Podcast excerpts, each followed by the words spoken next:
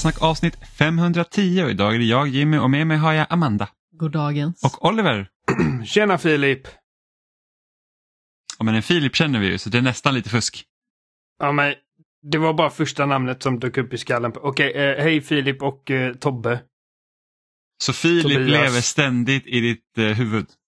Med andra Han ord. bara dök upp som, som en, som en spö, spökflicka från en The Ring-film i hjärnan på mig. Minns du Filips användarnamn på gamla Nintendo-forumet? Var det inte bara Loen eller Lönn? Han hette det till slut. Eller om det han, han ändrade det namnet till eh, om det blev typ NF2 eller NF3 eller någonting sånt. Men han hette inte Lönn först. Minns du vad hans första? Jag vet inte ens vad hans första användare men han hette Blarg.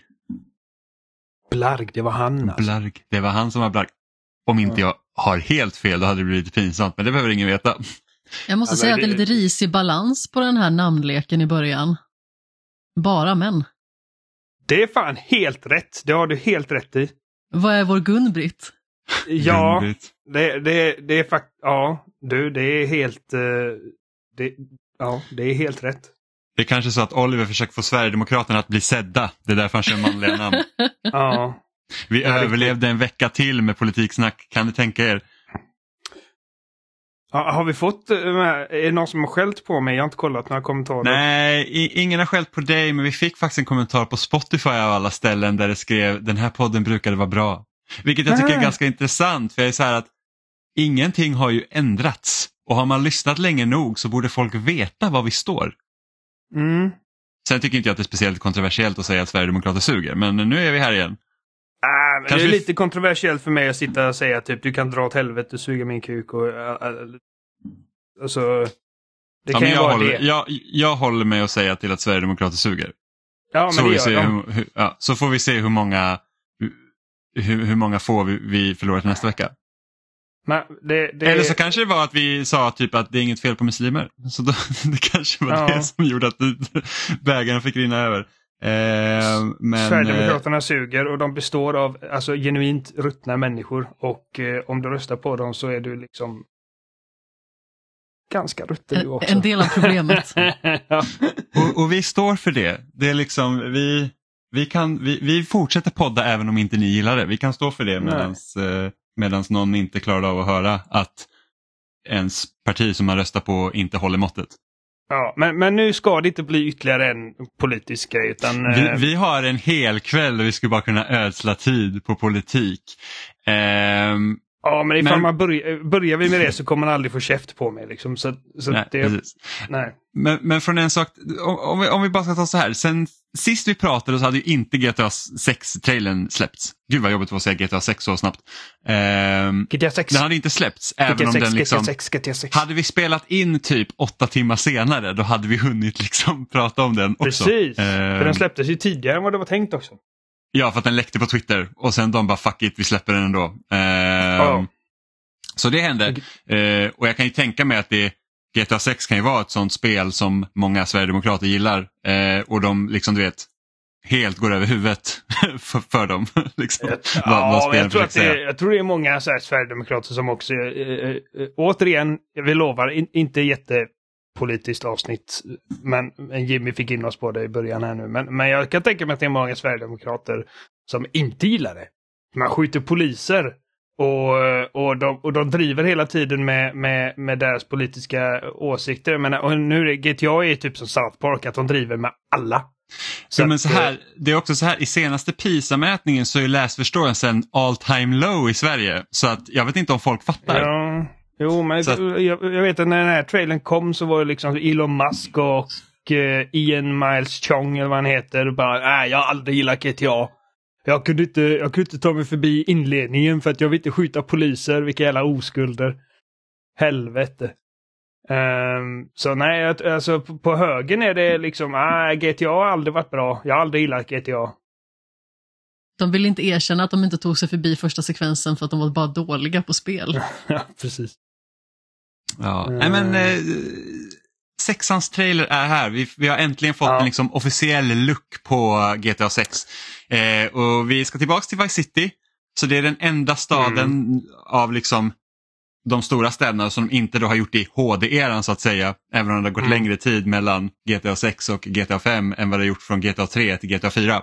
så Jag, jag, jag vill fråga dig en grej Jimmy. Eh, Yes. Hur ser du det? För om man tänker HD-eran som är nu och sen Ja. 3D-eran som man då kallar liksom PS2-spelen. ja. Är det samma städer fast liksom det är underförstått liksom att med mer hårdvarukraft så, så är det liksom mer utflashat? Eller är det liksom existerar Nico Bellic och eh, Claude? Eller Nico I- Bellic i och Tom- Tommy Vercetti i samma värld? ja, det skulle jag säga. Ja. Jag har alltid sett det så också. Men jag har hört, jag har pratat med andra, jag vet att Adam exempelvis, han, han tycker liksom att Liberty City i GTA 4 och Liberty City i GTA 3 är två helt olika liksom strukturer. Och jag bara, ja, jo, Ja, men ja. Det, det ser jag mer som en hårdvarugrej liksom. Ja, för att hade de kunnat göra Liberty City från fyran 2001 så hade de gjort det. Ja, det är lite så jag ser det också. Men, men jag, Alltså- jag är inte, Och- men jag vet och- inte.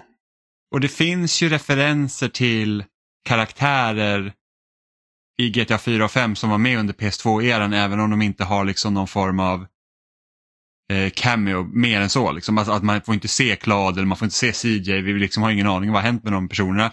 För att jag, jag anser också att de här två liksom då eller ja, PS2-erans liksom trilogi är liksom, de är ganska hårt kopplade till varandra även om de är, de är ju fristående, du kan ju spela en utan den andra. Men de, är, Mm. de, de liksom knyter mer an till varandra.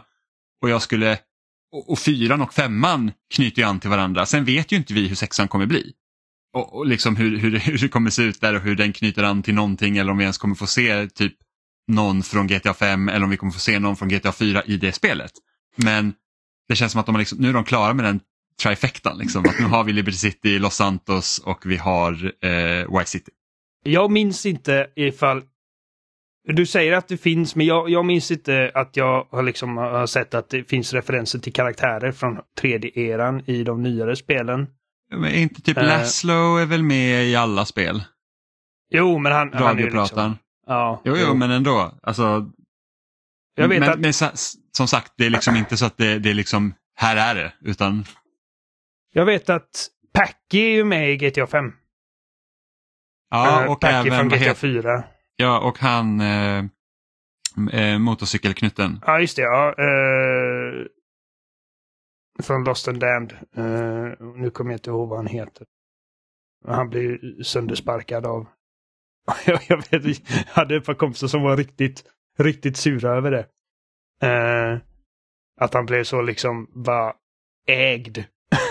att det var så hans story slutade.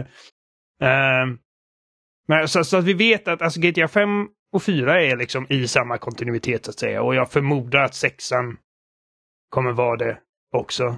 Um, men ja. Skitsamma. Nu har jag en fråga till, eh, till um, eller innan jag går till det. Alltså ni som lyssnar, ifall ni har några konkreta bevis på att HD och 3D-spelen är i samma universum. Hör av dig till oss. För att jag, jag är jättenyfiken på detta. Och jag orkar inte googla. Uh, Amanda. Du, du, du, du har inte spelat GTA?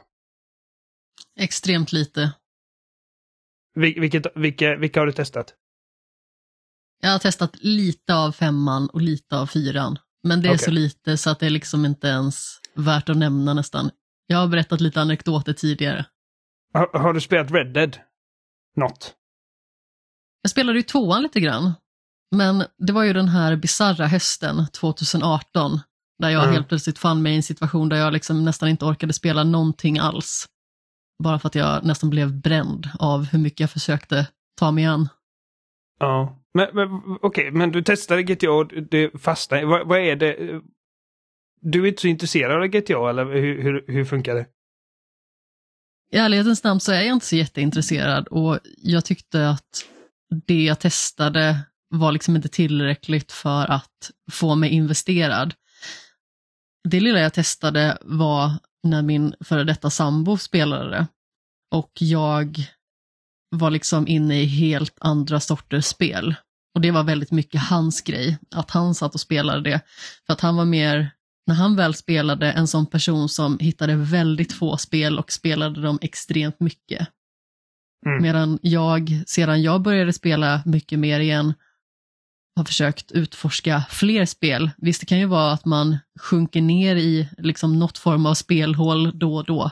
Men samtidigt så är det ju ändå lite mer utforskande av olika spelupplevelser som har varit min grej. Och just GTA har ju aldrig riktigt fastnat. Och jag har inte heller känt någon gång att jag har varit sugen på att plocka upp det. Det är spännande för mig. För mig, för, för mig är GTA alltså det ultimata tv-spelet. Jag, jag, jag förstår inte hur någon inte kan tycka att det här är typ the best game ever. Alltså, och, och då menar jag inte att jag tycker att GTA är liksom de bästa spelen någonsin, men bara liksom potentialen, lek, sandlådan och, och liksom det... Typ, all rolig satir och det karaktärsdrivna och, och, och bara hur levande världen är och, och hur, hur spännande uppdragen blir och hur kreativt det är. Alltså... Ja, jag vet, alltså GTA är typ det bästa jag vet. Kritiserar du min spelsmak? Jag antar det. det, var, inte meningen att komma ut så, men alltså... Svagt. Nej, men liksom, jag, jag, vet att du inte är liksom jättemycket för shooters så, men GTA är liksom, visst, det, det, det har skjutande i liksom så, och det, och det blir ofta liksom att ja, man börjar skjuta lite på, på folk. Men, men det är ju liksom en, det är ju inte ens i närheten liksom den stora Jag skulle inte säga att GTA är liksom en shooter-serie.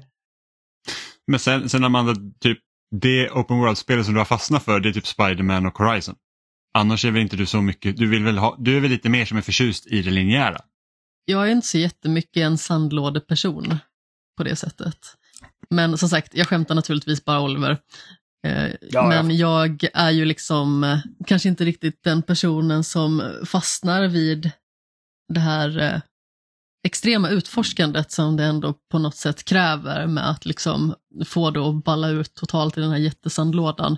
Men eh, just skjutandet är en sån grej, när du nämner det, som jag alltid har tyckt känns väldigt fumligt i GTA. Jag tycker att det känns så osmidigt. Särskilt och det är i fyren.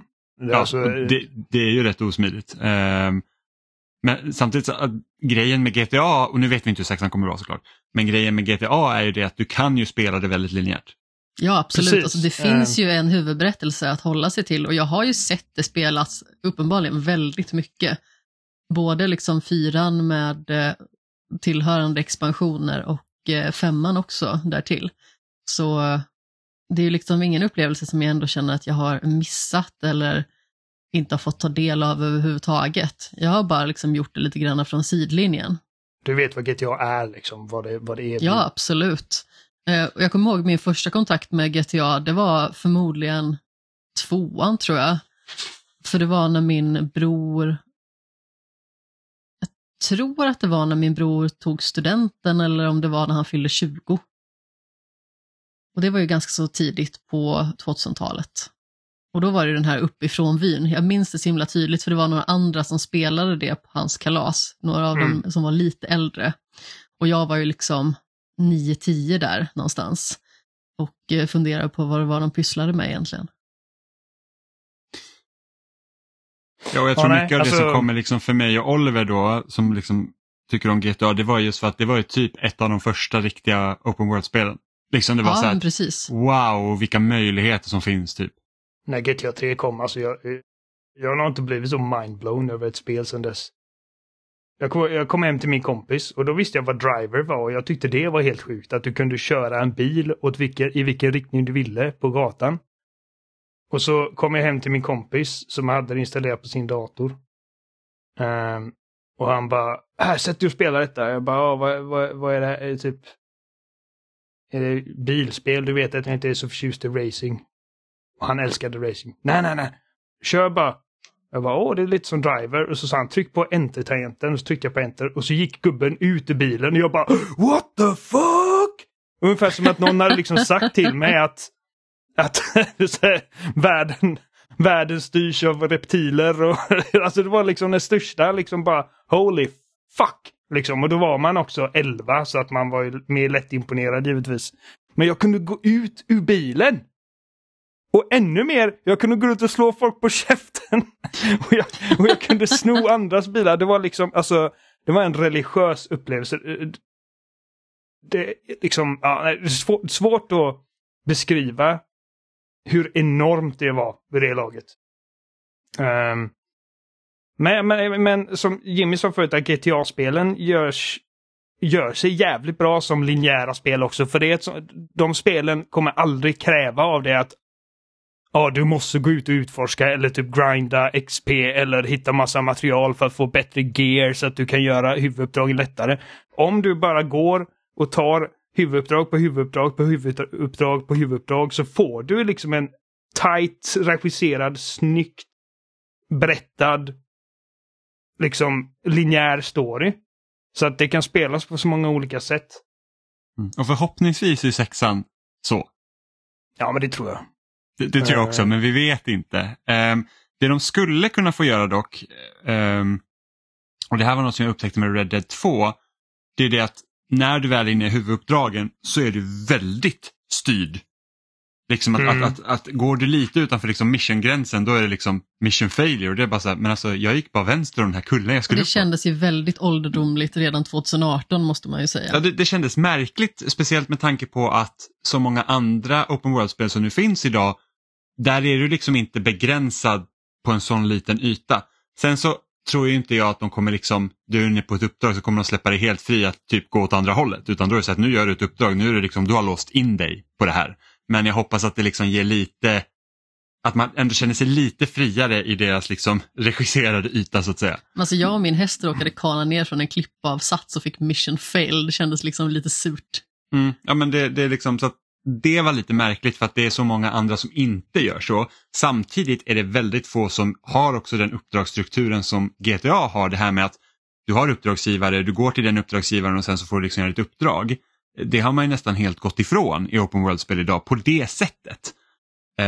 Um, så att det är ändå en struktur jag hoppas att de håller i också lite. Så att, jag, så att jag liksom... kan tycka att det känns lite stelbent. Nej, jag vet inte, jag, jag, alltså jag har ingenting emot det. Liksom, till att nu gör vi uppdrag åt den här. Så, så, för då, då vet man också att lite vad man har att vänta sig beroende på vem man gör uppdrag åt. Då. Ja, eh, alltså det, så Jimmy beskriver det får det att låta tråkigare än vad det är. Men alltså jag uh, förstår ju vad, vad det är som åsyftas. Uh, uh, men vad, så, ja.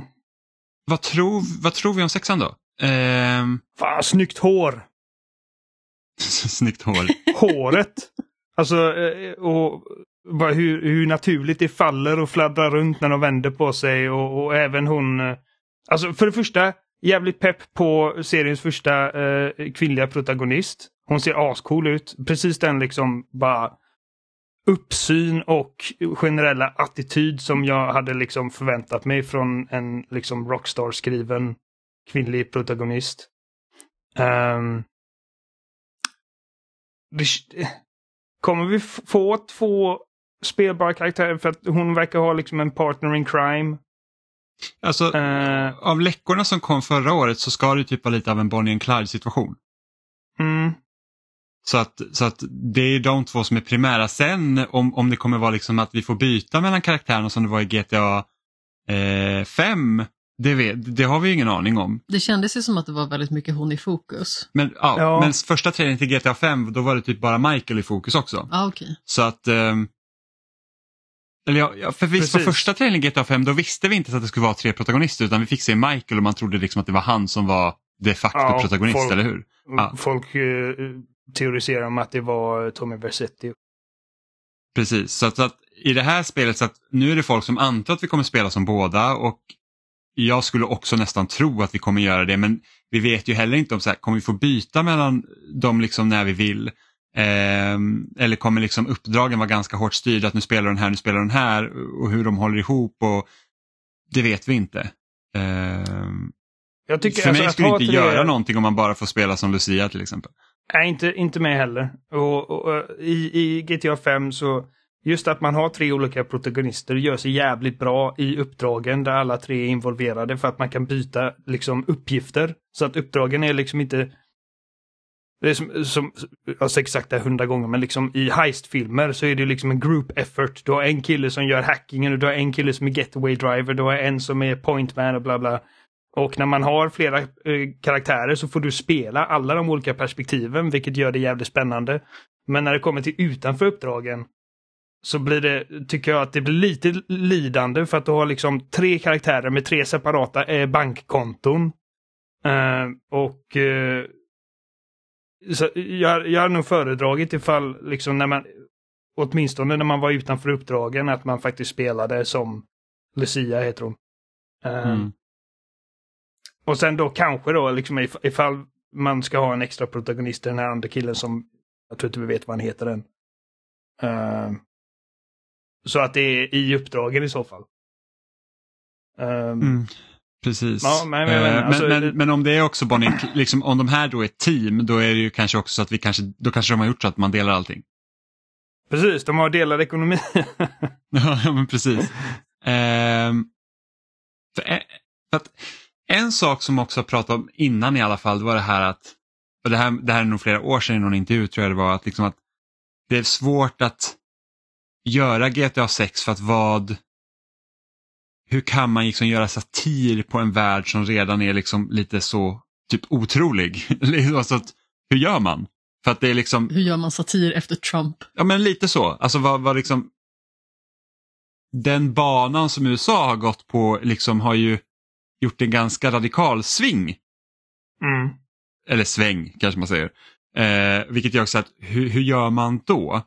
Eh, och tittar man liksom Tittar man på den här trailern så undrar jag liksom hur de Vad är det de liksom kommer fokusera på? Alltså det syns ju tydligt att det, det kommer ju ha med liksom sociala medier att göra ganska mycket. Precis, väldigt mycket fokus på det här tre sekunders samhället som är liksom rastlöst och hela tiden eftersöker den här nya bizarra kicken liksom via Mm. internet. Ja, ja precis. Och sen undrar jag då också hur kommer det se ut för de här två då när de liksom gör brott? Kommer de bli typ några så här ökända influencerkändisar? Eh, Av någon anledning. Liksom så här typ att för det skulle ju kunna vara en sån grej att de typ, ja men vi rånar banken och sänder live på deras version av TikTok. Dickdock. Låter Liksom, som och, och, eh, världens sämsta idé. ja, men alltså, alltså, jag är inte så heller förtjust men, men att- nej men alltså jag menar inte, inte på ja, nej, inte nej, att din precis, idé, nej, precis, men jag, jag fattar. Jag som fattar. brottsling att spela Eh, in sina Ja, men brott. precis. Men liksom att det kommer att det kommer hända någonting som gör att de typ hamnar i en bana av kändisskap på grund av att de är kriminella. Mm. Eh, för, för om jag inte har helt fel så Bonnie and Clyde, de var väl typ kända? Ja, jag kände. Ja, jag känner precis. Liksom, att det, de, de blir typ som celebriteter liksom, fast de var kriminella. Dåtidens Eh, skurkfluencers. Ja, men precis. Och med tanke på att liksom, det verkar lite av den här trailern att döma att det lutar lite dit. Och sen vet ju inte jag om jag skulle tycka att det är speciellt kul om de här två då skulle vara liksom Ja men det här är vårt TikTok-konto, nu ska vi göra brott. Men det skulle också kunna vara så att de gör brott och någon fångar det på sociala medier. Och på så sätt blir de kända. Att, Jag, Ja, jag, precis, att det är en grej att försöka fånga dem typ på film. för, ja, för, för det är ju liksom en ganska plojig grej att tänka liksom i den kontexten. Speciellt när man tittar på trailern för då tycker jag ändå att där liksom Lucia pratar och har sin voiceover och liksom där hon är tillsammans då med sin partner. Då tycker jag ändå att man får en ganska seriös ton av berättelsen. S- Av det lilla vi har sett. jag är inte övertygad om att hela den här sociala media, TikTok, i liksom presentationen i trailern inte bara är liksom tonsättare för världen.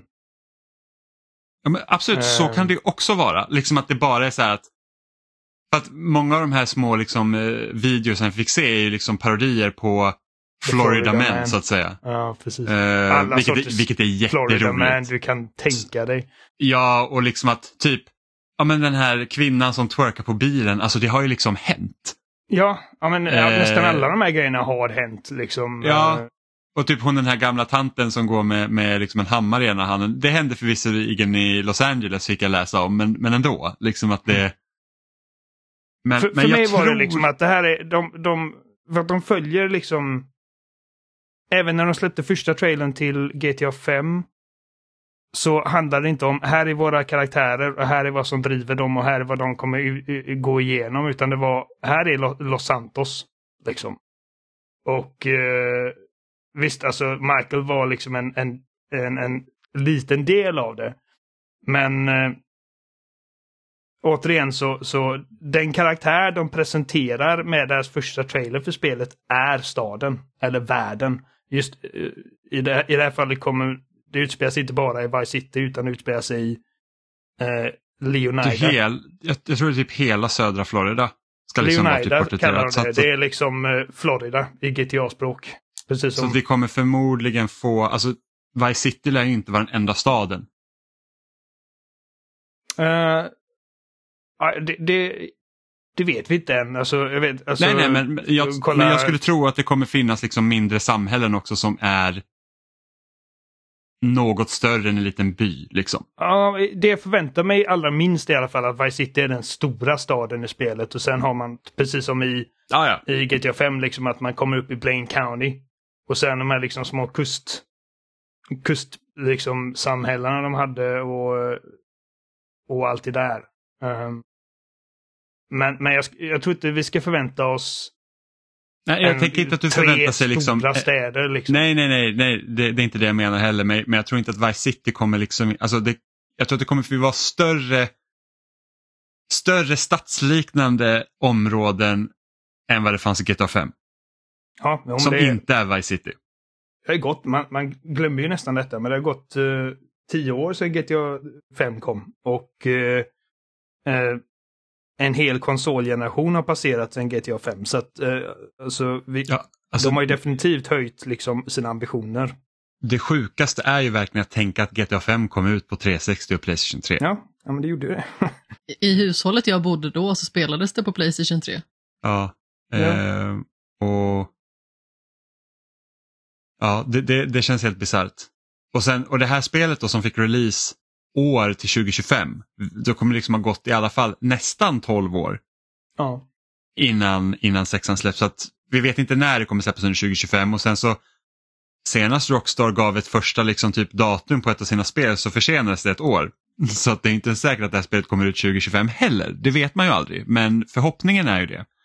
Mm. Ehm, och, och det känns också helt bisarrt att tänka att det kommer gå 12 år mellan spelen och sen bara man tänker liksom, nu vet vi har inte fått GTA 6 än, men så tänker man GTA efter det. Det är liksom så här att, Det är våra barnbarn som kommer spela det. ja men liksom det känns lite, alltså det är liksom så här, att hur, det, det är liksom så här, jag kommer för, alltså det känns som att man kommer ju börja pressa mot 50 när man får ett GTA 7. Vilket känns helt bisarrt att tänka på. Mm. Nej, nu. Börja inte. Jag, jag, jag blev väldigt, väldigt imponerad av trailern. Uh, jag tycker att det ser, det har så mycket karaktär och liv och jag tycker liksom, det är, Rockstar är verkligen bäst i hela industrin på att skapa levande minnesvärda världar. Det är, alltså det är liksom en klyscha att säga men för dem är världen liksom lika mycket en karaktär som, som protagonisterna är. Och eh, jag kan, jag kan knappt bärga mig tills jag får utforska. Man bara kollar liksom. Det är liksom ett litet klipp där man ser en av stränderna.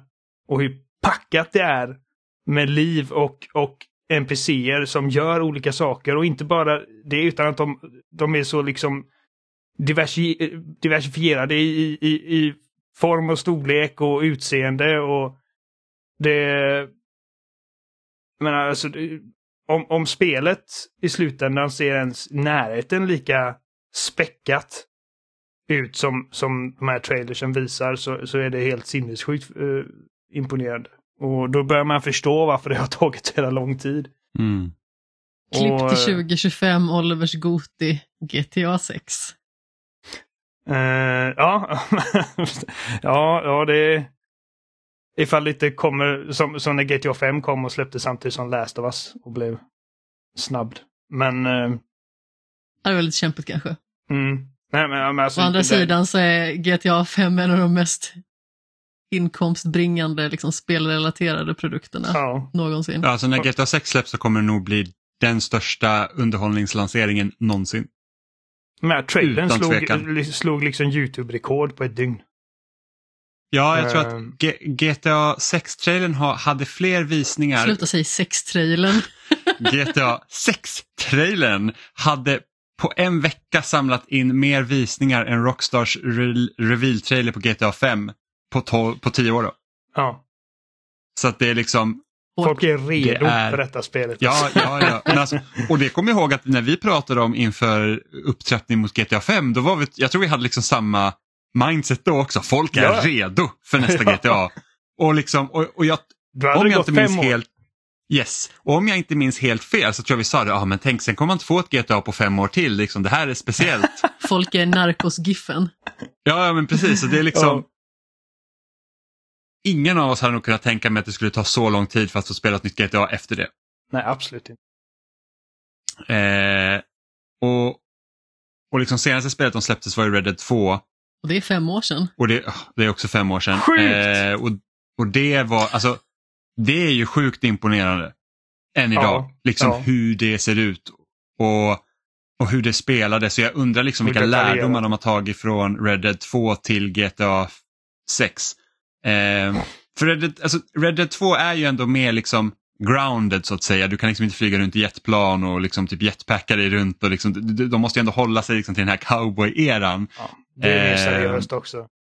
Pre- Precis, så att jag, jag, men jag undrar ändå, liksom, för att där hade du ju du kunde ju interagera med NPCer liksom, på ett annat sätt än vad du gjort, kunde gjort tidigare, vilket var superimponerande.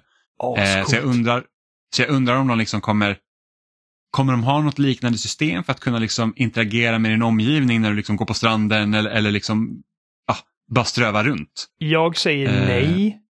Nästan helt, helt baserat på att Vice City kommer vara så mycket mer tätbefolkat än vad Armadillo är. Eh, Jo, det är sant. Men tror du att du kan göra någonting? Något, alltså, jag menar, GTA 5 hade också, ifall du tryckte på D-paden, kunde du säga hej till folk. Eh, Ah, okej. Du kunde inte välja liksom uh, Greet, Antagonize, Diffuse eller Escalate eller vad det var. Så att det var inte lika involverat. Men någon form, liksom redan i GTA 5 hade de liksom att man kunde interagera med NPCer och ibland kunde man liksom Ibland så blev de rädda och sprang iväg och i andra fall så blev de sura och så startade man en nävfight liksom. Eh, Mm. så att alltså, jag tror säkert att det kommer finnas något, någon form av system för att, eh, för att liksom trigga igång olika actions hos NPCer. Jag vet inte om det... Men jag menar, i och för sig, om det är någon utvecklare som, som är galna nog att göra det så är det Rockstar antar jag. Eh, Mm. Men... eh, ja, nej, ja, eh, alltså...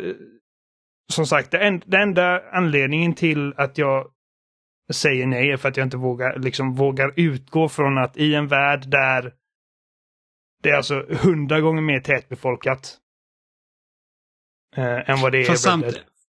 Men så, frågan är också, är, är Red Dead mer tätbefolkat än GTA 5? Nej. Inte ens liksom i, alltså nu tänker jag GTA 5 360, inte hur det har blivit sen. Okej, jag kommer inte ihåg exakt. eh, För att jag tänker för att, för då kanske vi också liksom hade kunnat ställa sig fram och så, åh, kan man hälsa på varenda NPC i Red Dead 2 efter GTA 5? Så hade man också kanske sagt nej för att, Ja, ja, alltså det är, ja, det är som sagt, mitt svar är enbart baserat på att jag bara tänker på allt arbete. fast jag, jag tänker så här, jag, jag tänker kanske att anledningen till att inte göra det kanske inte beror så mycket på att det är så tätbefolkat, utan det är kanske för att det inte passar. I så fall. Det passar inte spelet, på samma sätt som det gör Red Dead 2. Red Dead 2 hade ju ett eh, liksom honor-system. Ehm, och det tvivlar jag på att de kommer att ha i detta spelet för att Mm. liksom rent tematiskt inte... Man vill inte bakbinda folk så på det sättet i spel. Ehm, Även om det har Och- blivit svårare att skurka sig ju mer detaljrikt världen har blivit. ursäkta, säg det igen. Alltså, i, i, det har blivit svårare att spela skurkaktigt ju mer detaljerade Ja, spelen ja, har har blivit. det. för att man, Nej. för att jag minns i typ GTA San Andreas, då bara ah, på med Unlimited Rocket Launcher, bara ställde sig på Grove Street och bara sköt allt. Och bara, bara sprängde allt för att se hur länge man klarar sig. Och liksom GTA 4 och framåt, då säger ah. Nej, de faller realistiskt liksom. Ja, och jag tror GTA 5 så var jag ju väldigt så här att, liksom att jag gjorde nog inte brott liksom i onödan bara för att göra massa brott. Nej, det har varit väldigt lite eh, massaker i senare GTA-spel för mig också.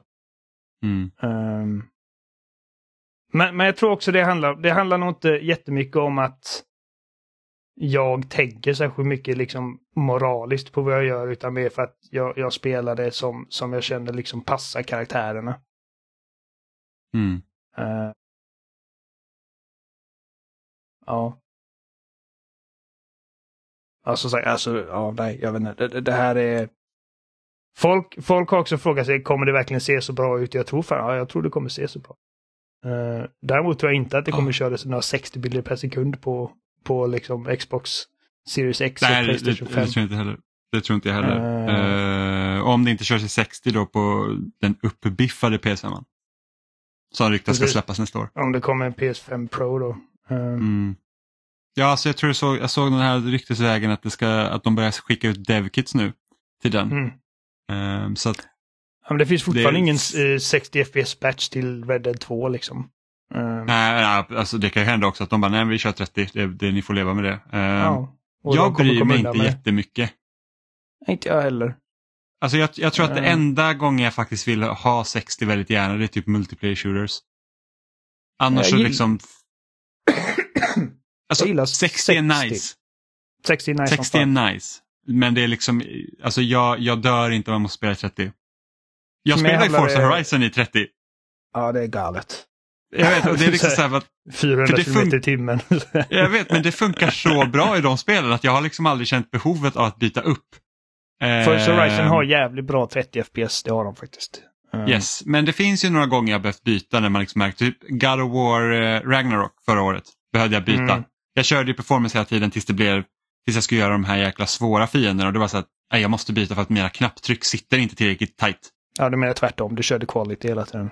Nej, jag körde quality precis och ja. sen bytte jag, bytte jag till eh, performance bara för att jag bara, knapptrycken hänger inte ihop ordentligt. Det är liksom mig, den lilla millisekunden det tar extra, det, det går liksom inte. För mig handlar det inte, inte nödvändigtvis om single player kontra multiplayer utan det handlar om hur snappy uh, spelets gameplay är. Och GTA kommer inte vara snappy. Alltså om man tänker typ ett spel som Resident Evil 4 där det är liksom pang headshot och spark och, och, och vända om och pang headshot och spark och kniva ansiktet pang. Och liksom, alltså när det är så många inputs per sekund. Eh, det här kommer liksom det kommer vara väldigt detaljerat animerat och kommer ha liksom tyngd och, och man kommer liksom inte springa runt eller typ slida runt som Vanquish-snubben. Um, så när, när, spelet är mer liksom mer långsamt och mer meticulous i sina animationer uh, så tycker jag att 30 fungerar alldeles utmärkt. Det sjukaste är att det här GTA kommer komma mot slutet av den här generationen. Ja, liksom 2025 kommer det redan... Ja, men ja, 2025 kommer vi redan börja liksom snackas om att vad, hur, vad ser de nästa konsolerna ut som. För då är det mm. fem år sedan mm. vi haft de här på marknaden. Det känns också sjukt. Ja, jag är så peppad på GTA 6. Det ska bli, alltså, jag med. Jag ingen, en... ingen gör världar som Rockstar. Det är Nej. liksom ingen. Och jag vill se en alligator avbryta ett inbrott. Eller så här, eh, eh, jag vill gå liksom och, och råna en typ bensinstation och sen så kommer en alligator in och biter mig i arslet. Och jag bara, ah, what the fuck. Ska du ge GTA 6 en chans, Amanda? Jag vet inte, det är så långt in i framtiden. Jag kanske blir exalterad och hoppar på tåget då. Men så som jag ha... hade känt om det hade släppts imorgon så hade jag liksom inte varit jätte på topp för det. Vi behöver ha fler partners in crime i GTA Online. Det återstår att se. Det återstår att se. Folk snackar mycket om Åh, vad kommer de göra med GTA Online och det, det har jag faktiskt inte tänkt så mycket på. För att jag har insett In... liksom att GTA inte är ett, ett multiplayer-spel i mitt hjärta. Alltså så här, single player är det jag ser mest fram emot. Alltså GTA Online är i så fall bara en bonus. Men jag, jag älskade ju online i GTA 4 för att du var så fri till att göra vad du ville. Och det slaktade de ju i GTA 5. Ja, och det, det var, var inte liksom... så mycket att okej, okay, vi har verkligen så här hårdoptimerat GTA 4s multiplayer för att vara fritt, utan det var bara att vi har inte gjort så mycket med GTA 4 alls. Liksom. Vi bara släpper spelarna i världen så får de hitta på sina egna grejer. Ja, och GTA det, 5 och har mer kan, med struktur. Och det kan vara bra så. Ja, Eh, nej, jag lite liksom mer GTA att- 4 än GTA Online. Ja, för att jag tror att det var så här typ, för att du, jag och Robin kunde ju ofta hoppa in i GTA 4, bara, men vad ska, ska vi hitta på något bara i GTA? Bara yes, Ja, hoppar vi in, körde vi lite. sex timmar vid den här gungan som var buggad. Man körde in bilen i den på rätt vinkel så flög sköt iväg den iväg satan. bilen på andra sidan. Det hade, det hade man inte... Jag tror också att vi har utvecklats sedan dess. Jo, vi hade inte suttit absolut. så många timmar och liksom flungat iväg Nej, våra bilar. Vi har, vi har inte tid att göra det, men liksom Nej. vi kunde. Och jag, jag tror jag, med en annan kompis så var det så att vi, vi gjorde så att vi inte kunde dö. Och sen försökte vi slunga iväg oss så mycket vi kunde med en helikopterpropeller, vilket var asroligt. ehm, och det gick inte att göra GTA 5 för att vi var ju, alltså, det var ju helt låst till att tjäna pengar. Och där har du ditt grind. Mm. Där kom ju in det här liksom jobbiga grindandet. Du behövde köpa, liksom, eller köra meningslösa uppdrag för att få pengar så att du kunde köpa vapen och bilar och grejer. Eh, och det fanns ju liksom inget sätt att bara kunna bjuda in några kompisar. Nu, nu, liksom, nu får vi vara i fred och bara bestämma våra egna regler. Och det är ju synd. Eh, och det kommer jag säkert tycka med GTA 6 också att det är synd. Att det liksom inte finns en privat server vi kan bara hoppa in i världen och, och, och liksom men varför inte bara, vem kommer runt kartan snabbast tid liksom? Eller vem, bara vi. Bara körde Ehm, jage. Gjorde ja, flera timmar. eh, Bara jage. Ja, ja men, och sen, men frågan är också så här, vad gör de med GTA Online? För att GTA Online heter ju inte GTA 5 Online, det heter ju GTA Online. Mm. Kommer de, alltså är det en clean slate? Alltså är det bara så att nej men nu, nu är GTA Online 2 här, det är Vice City, det är det. Det- Eller det är kommer en- de liksom... Det är en fråga frågan, de får liksom. mardrömmar om. Alltså, Ja, precis. För det är det jag undrar. Liksom. får Är det, ångest när jag tänker på det. för, att, för att jag vet att folk pratar ju länge så här i GTA Online, liksom, ah, kommer de lägga till Liberty City liksom från GTA 4 så att man har en till karta att springa runt på, lite sådana grejer, men det har de inte gjort. Eh, även om de har gjort massor med GTA Online, så det är liksom inte det. Men, men frågan är liksom så att, eller kommer, kommer de här båda GTA Online leva sida vid sida? Eller kommer de typ säga, nej men nu går vi över till GTA, nya GTA Online med Vice City och så stänger de ner liksom femmans online eller någonting. Absolut lättaste, men det hade inte mottagits väl. Men det absolut lättaste hade bara varit om sexan inte kommer med ett online-läge. Bara GTA online är GTA online. Ah, jag, tror Eh. folk här, då, jag tror folk hade blivit upprörda Ja, att de fo- inte kunna ja, köra online ja. i nya staden. Det skulle till och med jag känna var lite tråkigt. Men, eh, men det hade varit det lättaste för dem. Alltså liksom att fortsätta Ja. bygga på vad de har. För att ing- det spelar ingen roll vad de gör med online-läget i sexan. Det kommer kännas bare bones jämfört med GTA Online. För att liksom, eh, alltså 12 år av support för det läget. Det är svårt att konkurrera med. Ja, gud ja. Eh. Ehm, och sen så, jag tror det, det mest positiva är det att de kanske äntligen har gjort vettiga online-lobbys för de olika lägena de lägger in. Ja. Att ska man spela GTA Online idag och typ vill hoppa in i Team Deathmatch med några kompisar, det är ju, det är ju ett helvete att få till. Ja, jag vet inte varför Det var inte ens skulle- bra när det kom. Nej, och jag vet inte varför man skulle, skulle vilja spela Deathmatch i. Men jag förstår din poäng. Ehm, men aspepp, 2025 var du förvånad? Inte förvånad, men lite så här bara ah, fuck me! Helvete, det är så långt kvar. och så sitter jag här varje vecka och säger och tiden går så jävla fort. Men det var Eh. lite så här, man bara, ah, ni hade inte behövt visa trailern än typ. Du vet, vi kunde ha hållit på den lite längre. Ja, nej, nej, men jag är okej med att, liksom, att, att, få, att få, få fått en liten inblick i vad vi har att vänta oss. Mm. Och som sagt, alltså, ett år går snabbt. Mm. Det Men det hade bara- varit fett om det hade varit så här bara att, ja ah, men här är trailern, det kommer ut om ett halvår. Ja, det har varit asfett. Varit awesome. En Nintendo. Ja men precis. Ja. Även om Tears of the Kingdom var i och för sig utannonserat ganska länge. De gör som med sina stora titlar. Vi väntar fortfarande på Metroid Prime 4. Det måste vara färdigt va? De bara väntar på att Ja. få släppa det till Switch 2. Jag, jag vet inte, de har haft problem under utvecklingen. Ja, jo det är sant. Det har ju typ rebootats två gånger eller någonting sånt. Ja, men eh, nog pratat om GTA 6. Eh, det var ju en ganska stor vecka senaste veckan och det var ju att Game Awards gick ju av stapeln också där Baldur's Gate 3 tog hem priset för årets bästa spel. Välförtjänt. Ja, ni har Ja, börjat spela ja. nu va? Nej, det har vi inte. Nej, okay. Eh, välförtjänt i den grad att vi tror att det var välförtjänt. Jo, men med tanke på liksom den hyllningskör som Ja, absolut. liksom har nått omvärlden ändå. Ja, men det kändes ju lite som att det var, alltså det lät som att det var dit vindarna blåste när folk liksom har pratat om Baldur's Gate 3 sen det släpptes på det sättet. Ehm, och jag tror att hade Tears of the Kingdom varit i ett annat Hyrule som vi inte hade besökt tidigare så tror jag att det hade varit jämnare. Jo, men precis. Men jag tycker att det är väldigt kul att både Baldur's Gate 3 och Alan Wake 2 fick otroligt mycket uppmärksamhet när det gällde priserna. Just på grund av att det känns liksom ändå som spel som har ett ganska så gediget följe, men det är ändå liksom inte några av de absolut största titlarna. Nej.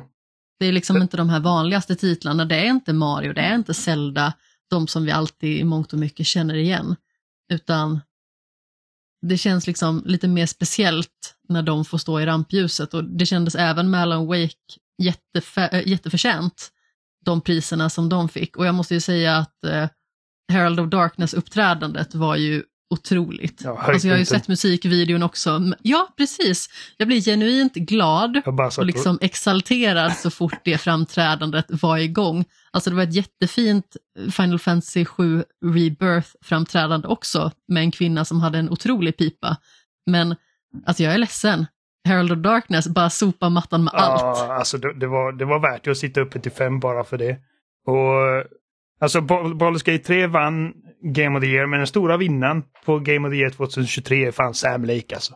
Vilken kille. Verkligen. Eh, det, eh, eh, när den här framträdandet kom och jag blev så jävla imponerad över att det inte bara var, för jag visste att Post of the Fall, som är liksom det riktiga bandet, eh, att de skulle dyka Ja, men upp. precis. Men jag blev Old förvånad Girls över of Asgard är ju deras alias liksom Precis. i spelet.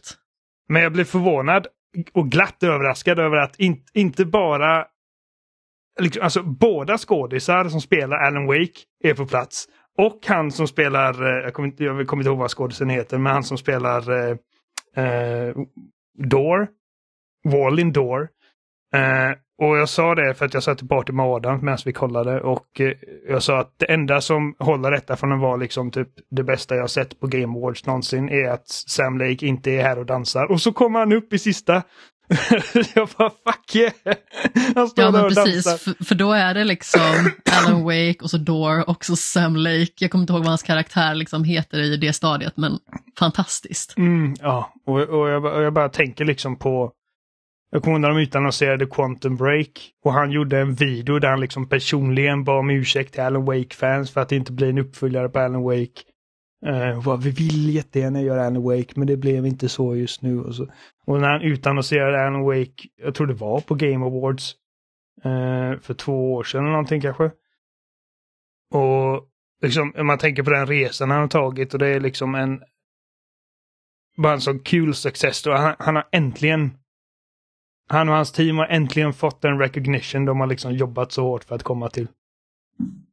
Men han känns Eh. också som en så himla genuint fin person. Alltså man Ja. unnar ju honom av hela sitt hjärta det här. Ja, absolut. Ingen har någonting Tro- liksom dåligt att säga om honom. Det tråkiga dock med Alan Wake 2 är att det verkar inte ha sålt så bra.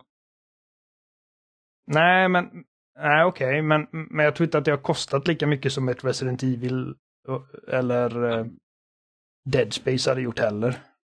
Nej absolut, men, men det är ändå så här synd för att man, och det är så konstigt för jag har liksom lyssnat på andra poddar liksom, som pratar om Game Wars, de bara säger ah, det för att vi, vi, vi gnäller ju ofta, eller jag gnäller ofta om att jag tycker att spelmedia som får rösta på de här grejerna spelar för smalt.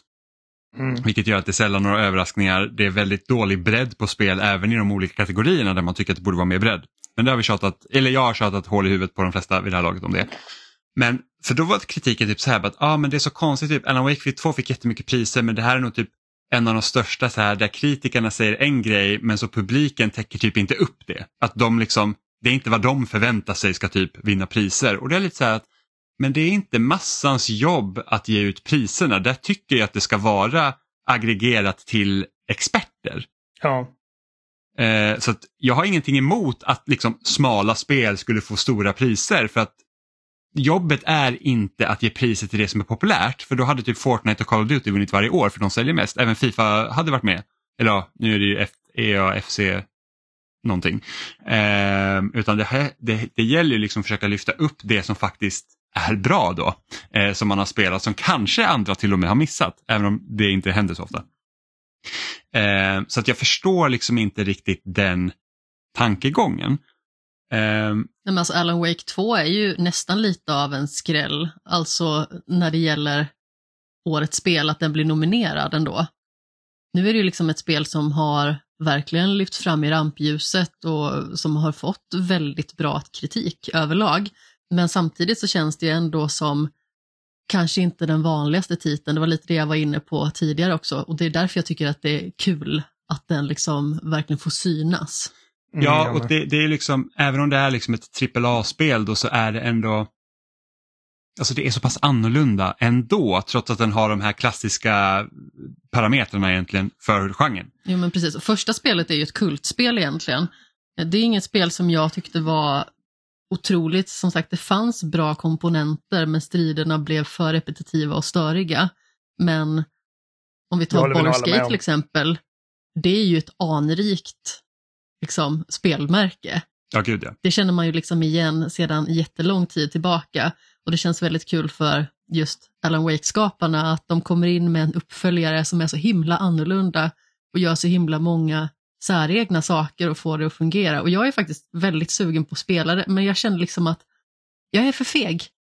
Jag är så himla räddharig och jag grämer mig lite över att jag är en sån jättefegis för att jag är lite sugen alltså. Mm. Jag fattar inte först att du pratade om Alan Wake. Jag trodde att du var feg för Baldur's Gate 3. Jag bara, va? Är det, är det läskigt? Ja men precis, jag är rädd för att, eller för att Baldur's Gate 3 ska dra ner mig i ett hål jag aldrig kommer komma Ja. Jag lovar att det finns äckliga spindlar att döda i Baldur's Gate 3 så att lite läskigt får det faktiskt vara. ja, men det är inte det första fram person i alla fall. Nej, Eh, nej, det det jag såg en eh, Mm. tweet om Baldur's Gate 3 ehm, från, jag vet inte vem det här är, det bara dök upp i min recommended för någon som heter Sweet Insanity X3. Uh, eh, men han sa Baldur's Gate 3 winning GOTY and in general being so incredibly successful is proof that catering to female audiences, having explicitly queer characters and storylines, and exploring masculinity beyond just aggression and fatherhood absolutely has a huge market. Och jag bara, ja, jag, jag har inte spelat det, men det, liksom, det låter, det låter, det låter on point. Ja, men, ja, alltså det är så här. Jag tror att i senaste typ undersökning så tror jag det var typ 51 procent av spelarbasen är kvinnor. Om man räknar liksom över hela spektrat. Och det är liksom så här att varför skulle du inte försöka göra spel som tilltalar en så stor målgrupp? Eh, och inte för att säga så att det finns bara manliga och kvinnliga spel men liksom nej. Du behöver liksom inte ha typ Marcus Phoenix muskelknutte nummer ett på framsidan för att sälja spel. Liksom. Du, du kan även Alltså andra, alltså du, du, du kan till och med sätta en kvinna på framsidan och sälja spel om man säger så. Då. Men precis, och man behöver inte sätta My Little Pony för, på framsidan för att sälja spel till kvinnor. Nej, Nej. nej. men exakt. Ehm, och, och, och, och det här pratar vi också om ganska ofta och det här är liksom att det finns inget att förlora i att bredda spel. Nej men precis. Det är typ Det någon kommer alltid finnas gnällrövar.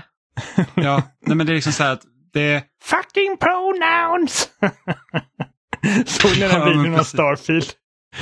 Nej, nej. Jo, vänta. Jo, var det de som inte, de bara liksom så här typ att ja, det var hemskt att man kunde eh, använda sina pronouns. Eller att man kunde Det välja var, vilket det pronoun var man en var. snubbe som gjorde sin karaktär så kommer han till delen där man ska välja pronouns för sin karaktär. Och han fick en complete meltdown och bara Your fucking pronouns are fucking boring!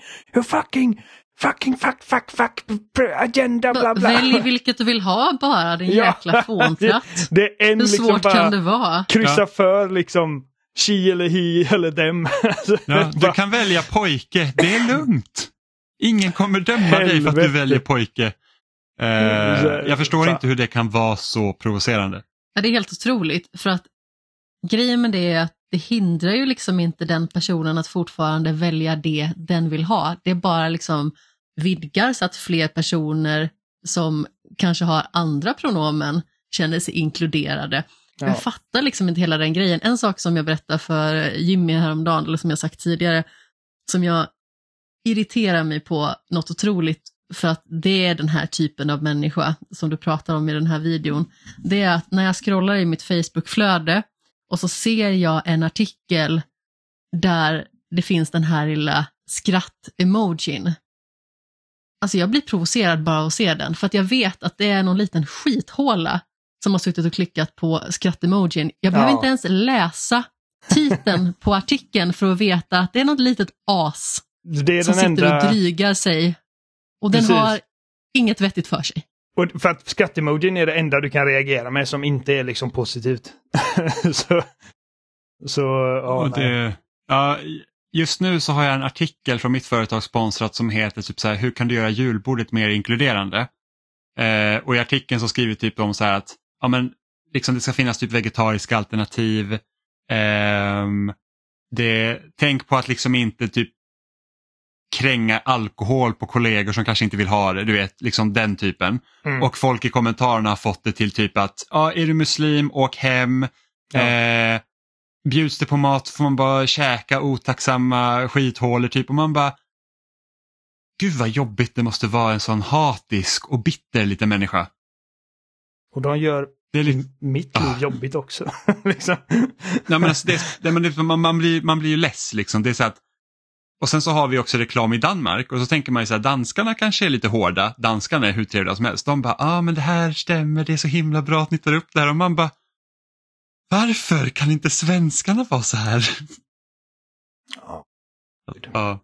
Det, Men ja, vad det, tyckte det, vi det, om det eh, Game Awards överlag? Det var ganska ruttet va? Alltså, så, jag kan väl säga så här, det var den bästa, det, det var den bästa Jeff Keely-showen i år sett till liksom trailers.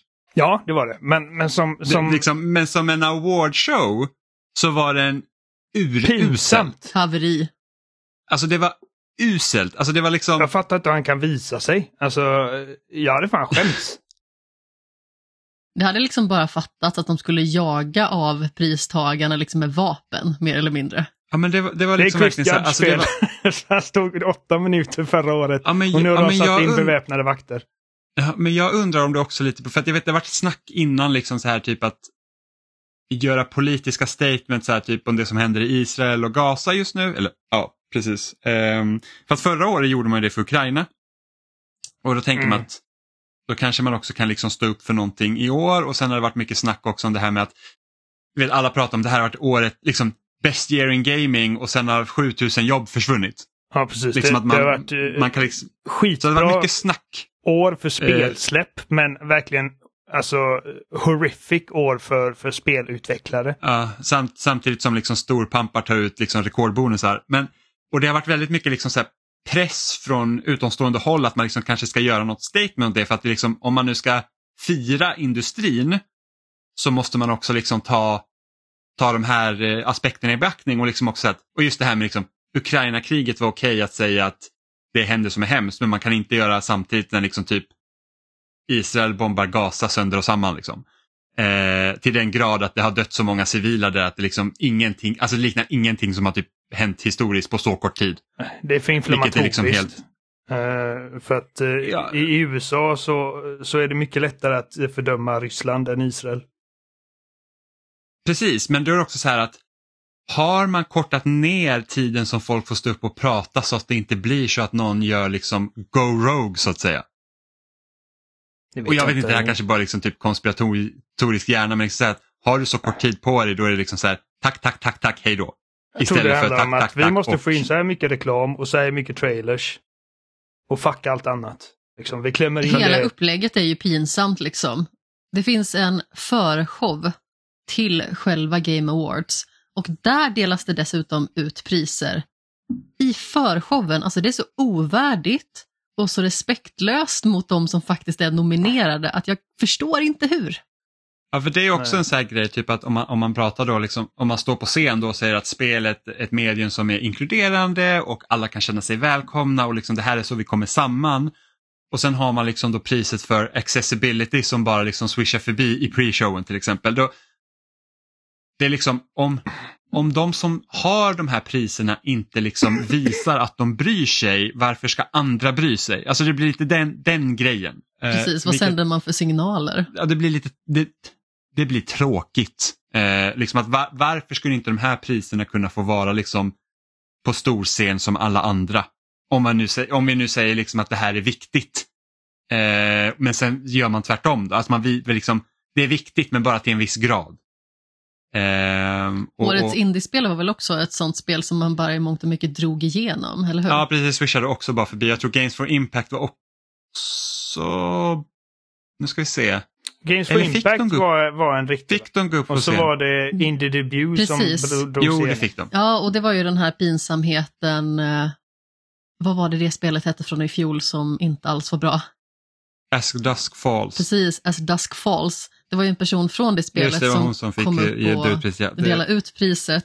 Men eh, med tanke på liksom, vilket spel som vann i fjol så kändes det också lite så här, åh nej. Ja, men, men, men så att det, det är liksom, och, jag, och, det var många verkligen som reagerade i år, liksom, att det här är typ ingen awardshow. Jag tror att vi kritiserar det här nästan varje år, men som du sa när vi pratade privat Oliver, det var det att det har aldrig varit så tydligt som i år just på grund av att folk fick inte ens liksom typ tacka för att de vann. Nej, de blev... Kolla, jag, äl... jag, gillar Hideo Kojima och jag älskar Jordan Peele. Så att, och det borde vara liksom att säga här bara, oh, get hype moment att få reda på att de gör någonting tillsammans. Men det känns jävla ovärdigt att man lägger, vad är det, typ 7-8 minuter på att bara se dem slicka varandra i röven. När vi har Eija Onuma som uh, tackar för liksom ett pris för alltså en legendarisk jävla producent. Står där och de bara ah, bort med dig! Please wrap it up! Efter 30 sekunder. Ja men precis, de det... börjar ju spela musik efter en viss tid. Ja. Bara för att de där uppe ska bli obekväma och börja ja. göra sig redo att gå av. Och så hade de en stor skylt liksom uh, bakom publiken. Det stod “Please wrap it up”. Uh, det är bara, det är bara, alltså... Osmakligt. Snudd på respektlöst alltså. Ja. Det... Och jag, jag, förstår ju att man måste ha någon viss gräns. Ja. Men liksom 30 sekunder är ju verkligen liksom Alltså du hinner, du hinner ju knappt ens ta in att du har vunnit. Det finns liksom, ju... Alltså fin... många var ju liksom tårögda när de gick upp dit för det liksom var så här, oh my god vi vann liksom. Så det, det, det, är liksom, det är en big deal för dem att bli erkända för sitt arbete och då tycker jag liksom att ta tiden och låt dem liksom kunna, alltså ge dem i alla fall en, två minuter. Det, liksom. Jag gillar att Neil Druckmann han visste liksom att jag tänker inte bli bortschasad. jag ska göra det här fort som fan.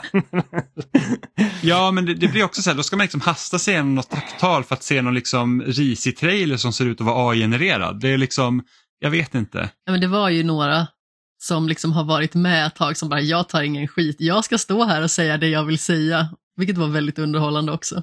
Jag gillar faktiskt när Chris Judge i början av showen, liksom, när han börjar prata och sen börjar det gå lite långt och så kommer den musiken och han bara “You motherfuckers” och sen bara fortsatte han prata. Älskar Chris Judge. Och så sa han också att uh, hans uh, tacktal från i fjol var längre än Call of Dutys kampanj från i år. Ja, det var också ja Activision-bossarna är uh, jättesura över det. Ja, ja, men de har snart inget jobb. Så att, nej, men det så att Alltså Nej, det finns och, begränsningar så, på tal och sånt även på Oscarsgalan, men då, är det inte, då slösar du inte liksom 90% av tiden du har på kvällen på annan skit. Liksom, alltså, då Nej. är det för att alla ska ha tid att ge sina tal.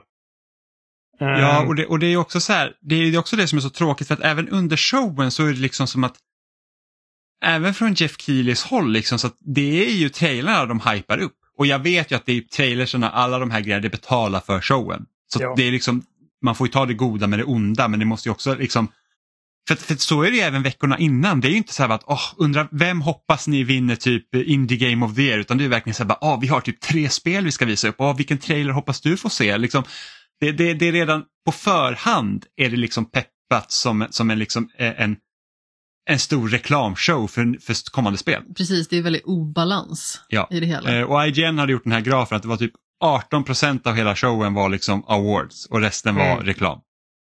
Eh, så att det, och sen, men det finns awardshows, alltså utöver Game Awards, DICE och Bafta till exempel. Eh, och jag tror att de också livestreamas. Du ser ju, jag vet inte om de livestreamar helt och hållet. Det, liksom, det säger ju också någonting att liksom, jag har inte suttit och tittat på DICE eller Bafta men jag har heller inte vetat om att de streamat eller inte men jag har sett att andra har sagt att det går liksom att se dem. I alla fall DICE tror jag. Eh, men Men, men, men som sagt, det måste finnas någon balans för att det, det, liksom, det ska inte kännas det ska inte kännas pinsamt när någon går upp och vinner. Det ska ju vara kul. Eh, Ja. Och, och då, då ser jag ju hellre liksom framför att man har liksom lite mer fokus på awards. Jag tycker de här mellanakterna liksom med typ musik från spel och sådana grejer tycker jag också är liksom bra sätt att bryta av. Eh, och sen kanske man inte behöver visa upp liksom nästan 50 spel. Alltså du behöver inte ha typ 50 trailers plus reklam. Eh, Men vad ska vi då göra med Jeff Keelys byxtält? Så att det är det är, det, det, är, det är väldigt tråkigt att det är så. Speciellt med tanke på hur stor uppmärksamhet det får. Det känns verkligen som att det är det viktigaste för honom. Just den här synligheten med så många spel och de här världspremiärerna. Och var det liksom inte inför den här upplagan av Game Awards som de också hade tagit bort den här loggan med World Premiere. Men de säger det fortfarande lika mycket trots att de skulle ta bort det för att det var inom citationstecken missvisande eller vad det nu var. Ja, jag minns inte men det, det var massa World Premiere Lustigt i alla fall. i alla fall. Och de sa ju det alltså, varannan minut mer eller mindre. Och hon som eh, ledde förshowen, hon sa ju liksom mer eller mindre, ah, nu är det tre stycken världspremiärer på rad. Och liksom höll på att gå upp i limningen mer eller mindre. Jag vet inte riktigt hur det kan vara så intressant och speciellt. Men det finns liksom inte så jättemånga spel som jag känner att det pirrade till för när det liksom gällde den biten. Här ska vi gå vidare. Nu har vi sagt vad vi tyckte om awardshowen. Det var alltså verkligen uselt. F i betyg. Ehm, men men, men vad, vad, vad de visade, vad kände vi? Alltså, jag har redan nämnt Hideo Kojimas spel OD. Om... För Som, det, som inte sa så mycket. Precis, det vi, det, det vi fick reda på var att tre skådisar är med och det är ju eh, hon från It, hon från uh, Euphoria och snubbe som jag har sett massa gånger men inte kommer ihåg vad han Udo någonting. Ehm, Mm. Och det ska tydligen vara ett skräckspel. Och han sa att det är en film men det är också ett spel men det är också en film och jag skapar en ny genre. Det här liksom Hideo Kojima liksom sniffar min egen fis. Ja, och, det, och, det, och det här verkar ju vara, det här verkar ju vara deras liksom ja. Xbox-partnerskap. ju. Eh, Om detta har- spelet bara är lyckats som liksom massa inzoomade nyllen så kommer jag fan bli helt...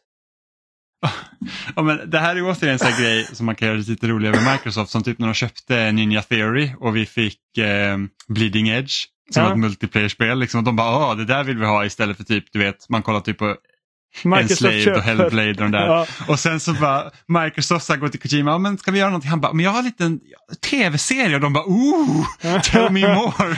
Microsoft att, eh, köper eh, Ninja Theory, får Ninja Theorys tråkigaste spel. De köper Arcane. Och de får Arcanes absolut sämsta spel genom alla någonsin eh, kategorier, verkligen apdåligt. Och de köper Activision och Call of Duty släpper sin absolut sämsta kampanj någonsin. Det, det är liksom Microsoft eh, farsoten. Som sprider sig genom allt de rör vid. Och eh, ja. Men- Alltså jag gillar att den här dörren som Hideo Kojima kommer ut från och även sen då Jordan Peele är uppenbart väldigt lik den dörren man börjar med i PT. Eh, Ja. men, men det ger mig liksom inte confidence att vi kommer få det liksom någonting som, som kliar den itchen vi fått sen PT. För jag har ju velat ha ett skräckspel av honom sen PT kom. Ja. Och detta, jag vet inte om det, detta är it liksom. Alltså, när han snackar om att åh, vi, gör, vi gör någonting som aldrig gjorts förut och det är typ en film men det är också ett spel men, men ändå inte och, och, och, och allt det där bara gör mig... Ja. Och så står Sam Lake där i bakgrunden och bara We did just that. Typ. Och Ja. liksom, vi, vi har allt möjligt i vårt spel. We Eh, already told that story. men, men samtidigt så, så Hideo Kojima sa ju även att eh, Death Stranding var en helt ny typ av spelgenre som man kallar Strand Games. Så att, eh, ja, men jag får Det- det ändå kom- ge honom att Death Stranding är inte som något annat jag spelat. nej, det, det är Eh. liksom det, det är ju det roligaste med Death Stranding är ju verkligen att jag, bara, jag hoppas det är en så här stor budget walking simulator och det var det också. Ja, gud. Och jag, och jag debatterar fortfarande med mig själv för jag gillar eller inte gillar det spelet. Så, eh, alltså jag gillar delar av det. Eh, Kojans hybris vet inga gränser. Ja. Men Ja, just det, för du har ju, du har ju, börjat, du har ju läst hans, eller börjat läsa hans Ja. självbiografi. Så jag har också den boken för jag köpte två exemplar, ett, ett till dig och ett till mig. Ja. Eh, jag har igen inte för- läst den dock, men du var så här, hur beskrev du den Oliver? Snudd på oläslig. På grund Eh, av? Bara för att alltså det är det mest pretentiösa dravel jag har hört i hela mitt liv. Ehm, nej, men jag, jag tog en bild på ett stycke och detta var inte det värsta stycket men det var där jag var när jag liksom bara oh my god när jag insåg att jag kommer nog inte kunna ta mig igenom den här boken. Um, alltså hela boken är, det är bara varje litet kapitel är hans hyllning till en bok som han har läst och, och liksom som har format honom på något sätt i hans, i hans liksom eh, huvud. Vilket, eh. vil- vilket låter liksom jättespännande sett till så här självbiografi och till en, liksom en, en, kreatör då som man gillar. ja, Jag trodde Eh. att varje kapitel skulle vara en hyllning till honom själv. Ja, precis. Det här, här är min lilltå. Det här är varför den är så bra. Den eh, håller mig i balans. Ja. så, så här är ett stycke. Ehm, och det här kom, makes no sense för att man inte läst men, men, men, men här är det i alla fall. He's right. Som hans spel. I'm not Western, I'm not Eastern, I'm not Japanese, I'm Hideo Kojima. Because the games I make are played across national and cultural, national and cultural boundaries. I'm sometimes called Sekai no Kojima, meaning Kojima of the world. There's no need to let myself be so confounded by some nickname. The only thing I need to do is create my own world, the world of Hideo Kojima. Sharing that with the rest of the world is my karma. I made up my mind. I don't need a Satori. I will beat my karma and go on living with it. Nej, I will bear my karma. Alltså, det är bara rent... Jag, jag bara, vad, vad berättar du för mig där? Jag fattar ingenting. Ja. Jag tänker på, det var ju något, tror jag, nyhetsankare som beskrev Donald Trump med orden What does it mean when he says words? Det är lite samma sak. Nu vill jag inte gå så långt. Eh, jag tycker om Hideo Kojima bra mycket mer än vad jag tycker om Donald Trump. Men, men jag jo, fattar men vad du precis, men Eh. det var lite samma grej där, att det känns som att det är bara en nonsensblabbel. menar. Ja, och, det... jag, jag tolkar liksom att han, han vill inte sätta något liksom, han vill inte sätta en etikett på sig själv för han vill inte begränsas av vad folk förväntar sig eller tror om honom. Nej. Han vill bara Men- sätta Hideo Kojima Nej, men det är liksom här- på sig själv. Det är så att han är unik, han är Hideo Kojima liksom. Och det är väl, Ja. det är väl lite rockstar-beteende nästan. Ja, jag menar... Men vi är alla unika. Alltså, jag fattar så sätt, men, men det, det är så... Det var något kapitel som handlade om en bok som utspelar sig på ett tåg och då började han snacka om alla tåglinjer han tog när han var liten. Ja. Och hur de tåglinjerna har förändrats idag. Och så här, line 23 towards bla bla bla bla and that went to line bla bla bla bla bla. Och jag bara, alltså du bara spyr massa japanska ortnamn mot mig nu. Ehm, så att, ja, inte, alltså eh, ibland så drar han liksom paralleller till att åh, den här grejen från den här boken har jag insett i efterhand och inspirerat hur jag skrev The Boss eller bla bla. Men mycket av Mm. det är bara här är alla böcker som jag har läst. Och eh, som på något sätt har liksom stannat med mig. Du är, nämnde ju Arcane tidigare. ja. Eller, eller hade du slutklämmen så jag inte avbröt dig? Nej, nej, fara. Vi kan gå vidare. Jag har ingen slutkläm. Eh, för att vi- Arcane var ju där och jag vet att många hade ju på förhand tänkt sig att det kanske är Dishonored 3 vi kommer få se för att det var någon läcka för länge sedan där liksom Dishonored 3 hamnade på någon lista. Mm. Men det spel de visade upp var ju inte Dishonored 3 utan det var ju eh, Blade. Mm. Det, var, det räknar jag inte med. Nej, inte jag heller. Eh, och det känns ju som en ganska bra fit för Arcane. Och det här är ju då Deathloop och Dishonored-teamet som gör det här spelet. Precis. Ja, det, var, det var en av de roligare överraskningarna. Um, först tänkte jag, är detta typ Deathloop 2 eller DLC till Deathloop? För jag tänkte, uh, man fick inte se en jättebra look på karaktären som satt i den här uh, frisörstolen. Jag tänkte, kan det vara Colt? Men jag vet inte. Och sen kom Marvel-loggan upp och jag bara, what the fuck? Är det Blade? Um, och Blade känns, alltså, det känns ju som en given liksom Marvel-karaktär att göra ett edgy liksom hack and slash-spel med. Och eh, det blir ju liksom förhoppningsvis, men vi vet inte, men förhoppningsvis kan ju detta bli eh, eh, eh Microsoft Spiderman. Och det menar jag inte sett till sales för att Spiderman är betydligt större än vad Blade är, men, men jag tänker liksom det är ett liksom oerhört välgjort eh, spännande Marvel-spel till deras plattform. Dock vet vi inte om det bara kommer komma till Xbox. För att det, i trailern har inga, inga loggor på format. Nej, Nej men det Vilket kommer komma till an... Xbox. ja, det kommer det göra. Xbox och PC definitivt. Men det är så att det kan ju vara så att Marvel kanske inte låter dem vara exklusiva utan det måste komma till alla plattformar. Det kan också vara det att Blade beräknas inte komma förrän vi har nästa generations Xbox. Ja, jag menar, Dinga gick upp på scenen, jag kommer inte ihåg vad han heter i efternamn, men uh, han, han, han gjorde det ganska tydligt att det här kommer inte komma ut ett tag. Liksom, va, nu Nej, vet ni vad vi arbetar på, låt oss göra det liksom. Detta skuck. mm. Det, kommer det kan till och med vara så att Dishonored 3 kommer innan. Ja, det är möjligt. Om det existerar. Men det hade inte förvånat mig. Um, men, men, men det här blir, det här blir deras jag skulle inte säga första, för jag vet inte vad de har gjort liksom historiskt före Dishonored, men liksom på många år deras första eh, tredjepersonsspel. Mm. Eh, så, så, mycket har de bekräftat. Så ja. ja men det Arcane är ju liksom, Ar Arcane är bra, förutom spelet vi inte får nämna vid namn. Snedsteg. Eh. Men det är inte representativt ja, för vad Arcane kan göra. Arcane är, alltså de är fantastiska. Uh, och Redfall var liksom uppenbarligen ett spel som inte det teamet trodde på liksom från början eller ens senare. De här artiklarna om att liksom så många som jobbar på Arcane för att kom till Arcane för att göra liksom intrikata singleplayer-spel och så hamnar de på detta. Mm.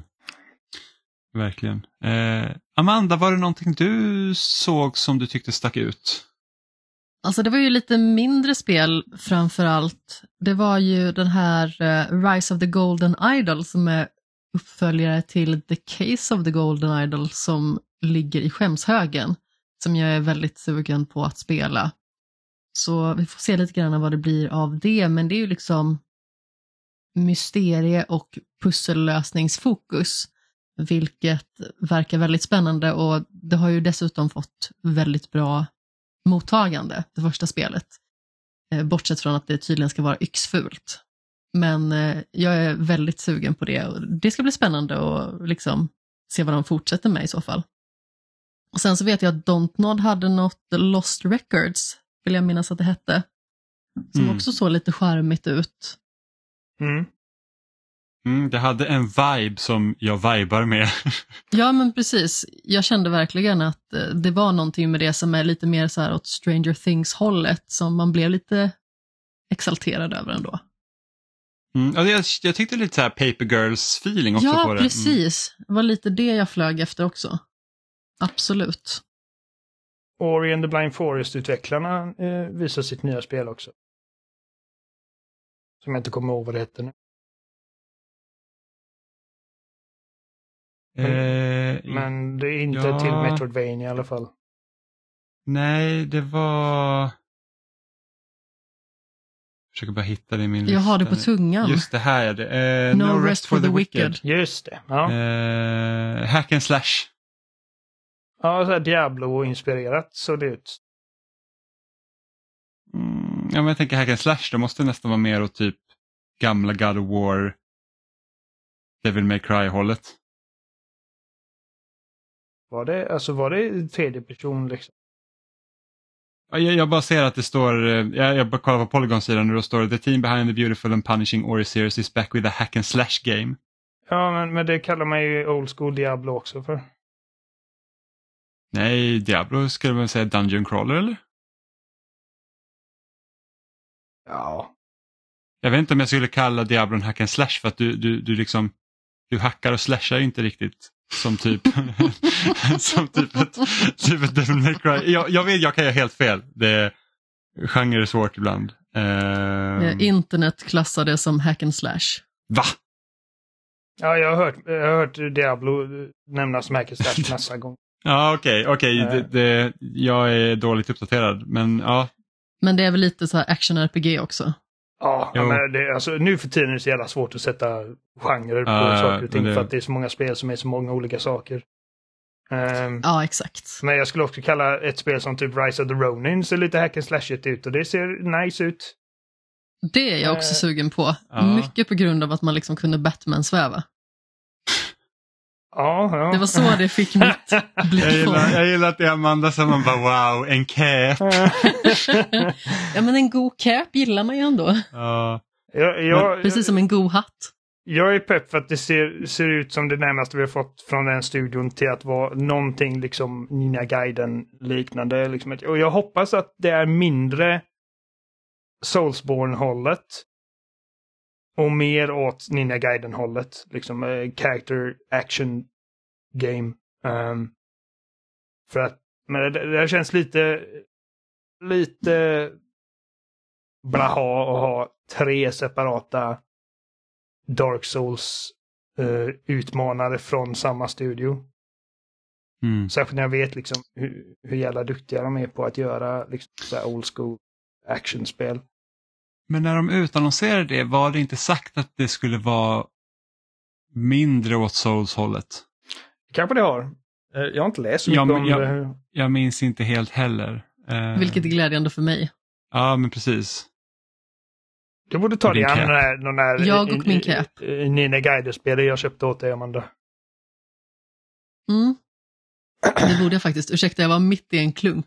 Här är lugnt. Ja. Det var dålig timing Oliver, där. bara skicka över till Amanda när hon uppenbart drack. Ja, precis. Eh, Du borde för- kunna tankeläsa dig till det. ja. Ja, men- De är, de men är Oliver- svåra, men de är jävligt kul. men Oliver, Ja. hur pepp är du som vår egen lilla så här, paleontolog på Jurassic Park Survival? Du, det ska jag säga dig. Eh, inte särskilt. Eh, På grund och av? på du som grund älskar av- dinosaurier? för- för- Är det för att fjädrarna saknas? Nej, jag, jag, jag är ju så här, alltså fjädrar är rätt lame. jag kommer ihåg jag skrev en eh, blogg Men om de det hade på... haft cap. Ja, Cap, precis. ja. Men om, om Cap och T- svärd. om T-rexen kommer där med, med en cap, ja. Nej, men alltså det är klart, i Jurassic Park-spel vill man att dinosaurierna ska se ut som de gör i filmerna såklart. Eh, men Mm. eh, för mig handlar det mer om, för jag tycker att liksom idén, och det är någonting som jag sett folk liksom på internet be om jättelänge, är ett Alien Isolation med dinosaurier. Eh, Mm. Och det låter på pappret liksom, ifall man kan få det rätt så, så, så är det ett jävligt coolt koncept. Det, men för mig är det liksom att dels är det mycket förrenderade sekvenser som nästan helt förlitas på rekreationer av kända scener från filmen. Liksom hon springer in i köket och sitter, sätter sig och gömmer sig på exakt samma ställe som de gjorde i filmen. Och man ser liksom, äh, det är väldigt mycket bara typ, åh kolla, kom du, minns du det här från den här filmen, minns du det där liksom? Um, vilket inte ger mig jättemycket förtroende för kreativiteten i, i, i spelet. Um, och det är såklart när man kollar på Alien Isolation så är det liksom, åh, det här ser väldigt alien ut och här är de här liksom typ datorerna med de här jättegamla, typ nästan CRT-skärmarna liksom. Men, men bara rent dramaturgiskt så kände sig Alien Isolation inte som bara, ja, vi efterapar bara vad filmen gjorde. Mm. Ja, det här ska Eh. utspela sig dagen efter film, första filmen. Ja. Och jag kommer hålla ögonen på det liksom. Alltså ifall det är... Om det liksom infriar det löftet. Eh, så, så är jag där dag ett liksom. Jag, jag blir gärna jagad av velociraptorer genom djungeln. Eh, men, men, men, men de har, de har mycket att bevisa för mig personligen. Eh, jag, är, med, jag gillar dinosaurier, men jag var besatt av dinosaurier när jag var liten. Och jag gillar dinosaurier även som vuxen. Jag tycker liksom stora monster är coolt. Men ehm, För du spelar till och med de här strategispelen i Jurassic Park. strategi, uh, Theme Park Builders, Ja, det är väl strategispel? Ja, det är det. simspel. Ja, fast det är ju strategispel. Ja, okej. ja, men, eh, visst, ja. Eh, ja, jo, men det gjorde jag. Och de var rätt bra. Eller jag spelade det första. Det andra spelade jag bara pyttelite. Um, och det, det var kul att bygga sin park. Men, men, men det är som, jag, jag, slänger mig inte på vilket Jurassic Park-spel som helst för att det bär namnet. Det finns en del jävla risiga. Det är samma som jag tycker att jag har aldrig spelat Ark. Trots att det är liksom ett väldigt populärt spel med dinosaurier. Jag bara tycker att de är fula och jag är inte intresserad av liksom så här typ survival builder-spel. Um, så jag känner att Ja, jag menar, jag, dinosaurier, jag tycker om dinosaurier, men, men för mig, jag har väldigt hög ribba när det kommer till... Jag vill att det ska kännas välgjort och ordentligt liksom. Det, ja, jag har höga, höga, höga krav på, på just dinosaurier i spel. För att ifall de bryter illusionen, liksom, det är svårt att ha en sån stor sak som en T-Rex och animera den så att den ser levande ut och, och se till att den beter sig naturligt.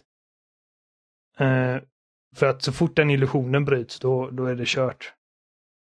De som kommit närmst det är ju egentligen Guerrilla Games med deras robot-dinos. Ja, precis. Och, och, och de har ju fördelen med liksom att det är en open world och liksom de har mycket yta för dem att röra sig på. Um, det vet jag inte, det kanske är också väldigt öppet, jag har ingen aning. Nej, vi får se. Jag vet inte. Innan vi går vidare måste jag bara säga att det är väldigt roligt att det kommer en crossover mellan Dave the Diver och Dredge.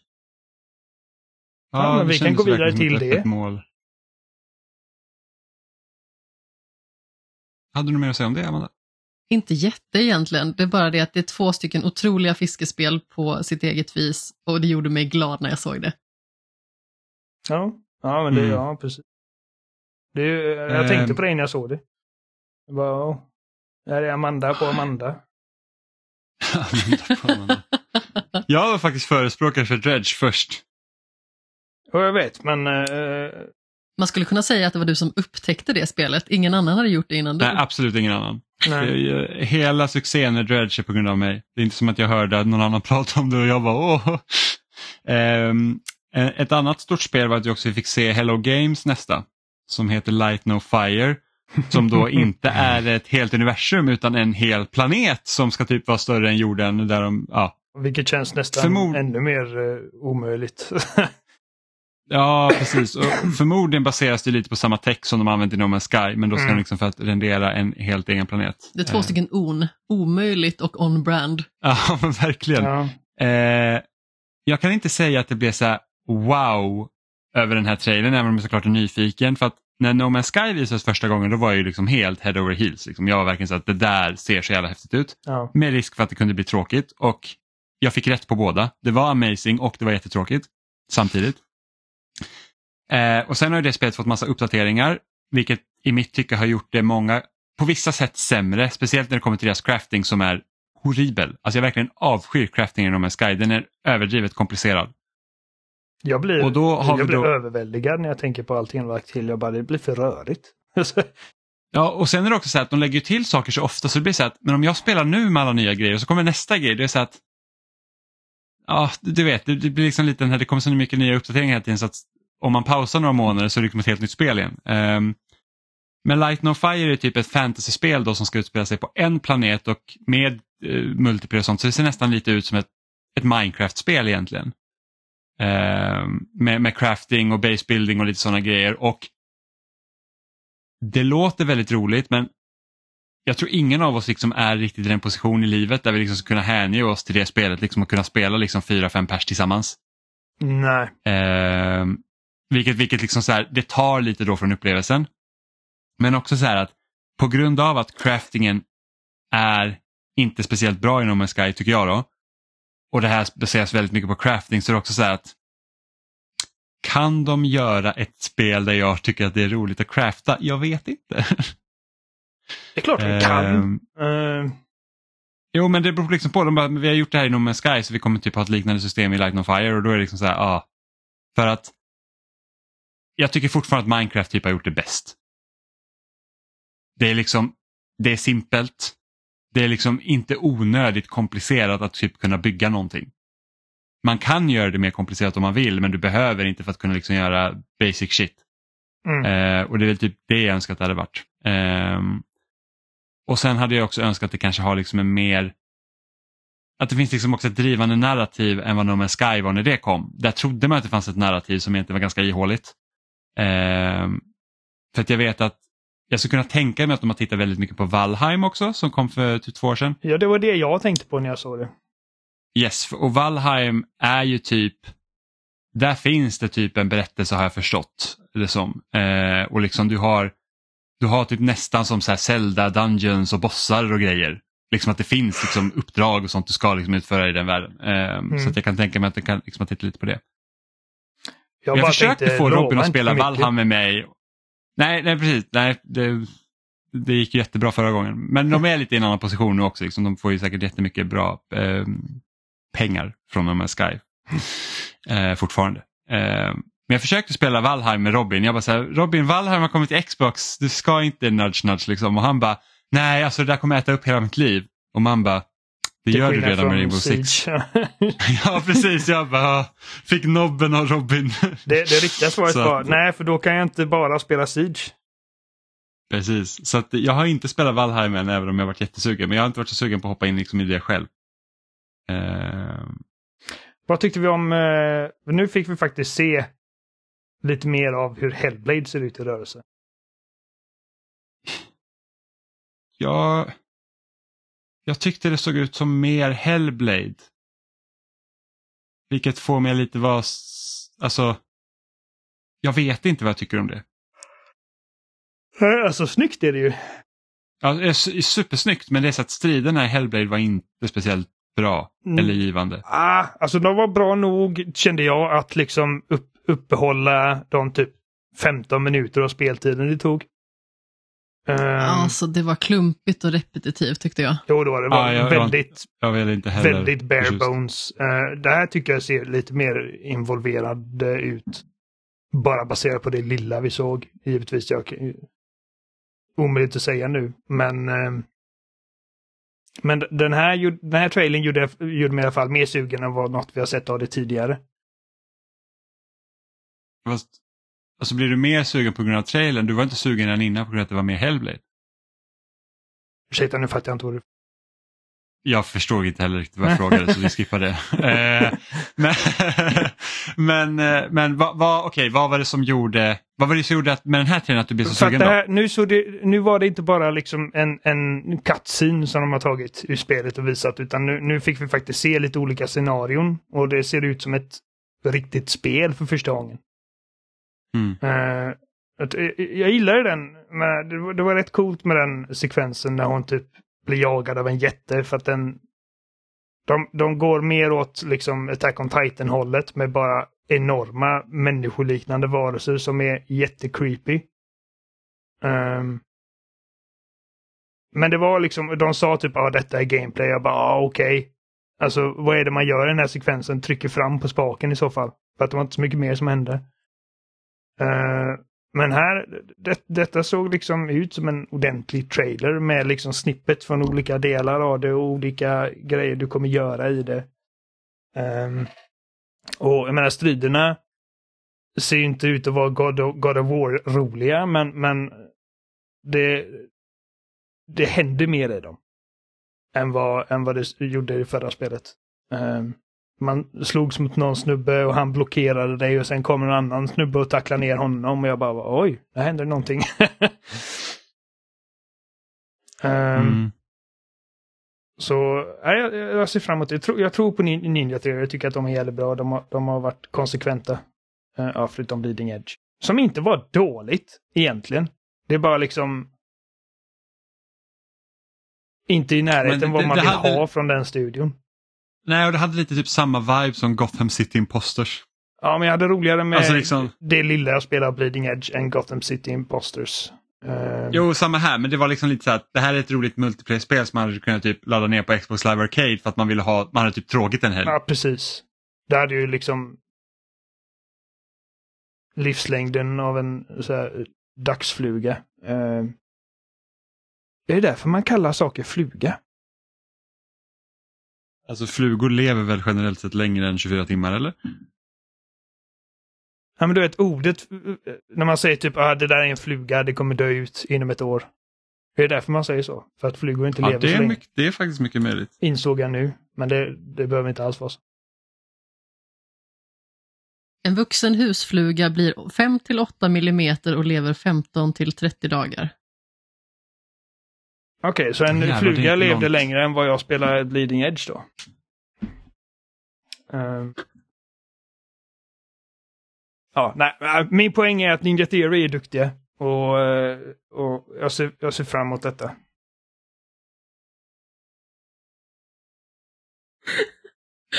är det inte lite Ursäkta, jag weird? skrattar Oliver. Ursäkta, va? Jag råkade sparka, jag råkade stöta till Amandas tå. Och Ah. hon såg ut som typ en av titanerna i Attack on Titan. Det var så här, helt läpplös och bara tänder. Ja. är, är det inte lite weird att ha typ Matthew McConaughey komma ut och bara ja, här är ett nytt spel jag är med i och sen så är han inte med i trailern. Eller var han det och jag bara Right, inte kände igen right, hans right. röst. Ja, men jag tyckte typ varenda kändisframträdande var lite weird. Anthony Mackie bara shut up, shut up, shut up, shut up, shut up, hey, you, shut up, yeah, I love you too, I love you too. Han betedde sig som att han hade tagit någonting. Ja, Är han alltid sån? jag vet inte. Jag har aldrig sett honom utanför hans roll i filmer så att jag var liksom helt, jag var så förvånad över hur, eh, Överspelad han yes, var. hur, hur, hur pepp han var. Så, eh, Kan det varit nerver? Jag vill inte döma för mycket. Ja, men- ah, nej, nej, men absolut, absolut. Men det var bara så, jag blev bara så förvånad. Det var liksom den grejen jag. Mm. Ehm, Eh, alltså, en, av, en av en av de trailers som kittlade mig mest. eh, som verkligen, okej, det här, det här, det här vill jag se mer av var Last Sentinel. Eh, Jaha. som, jag vet inte om ni kommer ihåg trailern, men det var eh, så här, robotar som försökte skydda några barn. Eh, och typ Ja, just onda snubbar sparkar in dörren och liksom hade ihjäl den här roboten och barnet gråter ungefär liksom. Så här. Det är en, en människoflicka som den här roboten är tydligen mamma till henne. Och onda människor kommer för att ha ihjäl alla och så kommer typ en ascool, typ eh, futuristisk Ronin. Eh, och räddar dem. Och jag bara tyckte det var en jävligt snygg trailer. Jag gillade artstylen. Det utspelar sig i liksom ett framtida typ Desecrated Tokyo och huvudpersonen heter Hiromi Shoda. Och ser griscool ut. Men för mig handlar det mest om att det handlar mest om utvecklarnas pedigree. Så det, det är Lightspeed Studios som leds av Steve C. Martin. Eh, som har 25 års erfarenhet, arbetar på GTA 5, Red Dead Redemption och Red Dead Redemption 2, Need for Speed Underground 1 och 2 och Bully. Eh, och i övriga teamet hittar vi folk som arbetar på Last of Us, Fallen Order, Uncharted och God of War. Det är ett Open World-spel. Och även om man inte liksom kan hoppas på samma nivå av detaljrikedom och polish som i ett Rockstar-spel så hoppas jag åtminstone på en liknande designfilosofi där kvalitet är viktigare än kvantitet. Mm. Ehm, så att det, det är, jag menar, baserat på vad lite de hade att visa så, så tror jag inte att vi kommer att se det här på rätt länge. Men, men, men det här var verkligen, alltså möjligheterna kittlar mig. Det, ser- det ser verkligen ut som min typ av spel. mm. Det såg häftigt ut. Mm. Absolut. Ja, men det gjorde det. Det, det är nice. Ehm, men är det dags att runda av för... Ah, jag, Game har, jag Awards, har ett par grejer här nu. Oj, oj, oj! Ja. Eh, så jag vill bara, alltså vi har snackat om det här flera gånger, men de visar upp Suicide Squad igen. Ja, Eh, det ser fortfarande tråkigt ut. Jag, jag, är, jag är sugen på storyn. För jag tycker liksom idén med att eh, Justice League har blivit skurkar och alla är korrupt, korrupta förutom Wonder Woman, för hon är typ immun på något sätt. Och det är liksom en jävligt, ska man säga, eh, high, tall order att ta sig an Superman liksom. Men det är också typ ett av de mest förbluffande spel jag någonsin sett. För att, och detta är inte bara baserat på trailern vi fick här utan också en, en längre liksom, genomgång av spelet som de visade förra månaden. Det man alltid har sagt om Arkham-spelen och, och även Insomniac-spel som folk liksom bara ah det här är vad som funkar för, med spelet för mig. Är, de får mig att känna mig som Batman eller de får mig att känna mig som Spiderman. Uh, för att Rocksteady och Insomniac har varit jävligt bra på att liksom verkligen fånga essensen av den karaktären och ta vara på den karaktärens förmågor och uh, attribut. Här vet jag inte, alltså liksom Harley Quinn svingar runt som Spindelmannen och King Shark hoppar runt som Hulken. Och det känns som att Rocksteady liksom först landat på vilken typ av gameplay-upplevelse det vill göra, vilket är typ en crackdown-grej. Liksom du studsar runt på byggnader och liksom skjuter ihjäl folk på löpande band. Um, och sen liksom tvingat in de här fyrkantiga karaktärerna i runda hål. Varför inte bara, varför inte bara göra ett spel om karaktärer som redan har de förmågor som hade funkat väl för den upplevelsen det vill göra. Istället för att försöka få Suicide Squad att funka i den här... Jag, bara, alltså, jag fattar inte. Jag, jag, jag begriper det verkligen inte. Det kan hända att det inte är helt upp till dem heller. Det är mycket möjligt. Jag vet att eh, eh, liksom Warner Brothers och DC vill verkligen göra en, liksom en grej av Suicide Squad. Um, första filmen misslyckades eh, och James Gunn gjorde, eh, gjorde ett betydligt bättre jobb. Så det kan hända liksom att okej, okay, här är varumärket vi vill att ni gör någonting med. Gör det.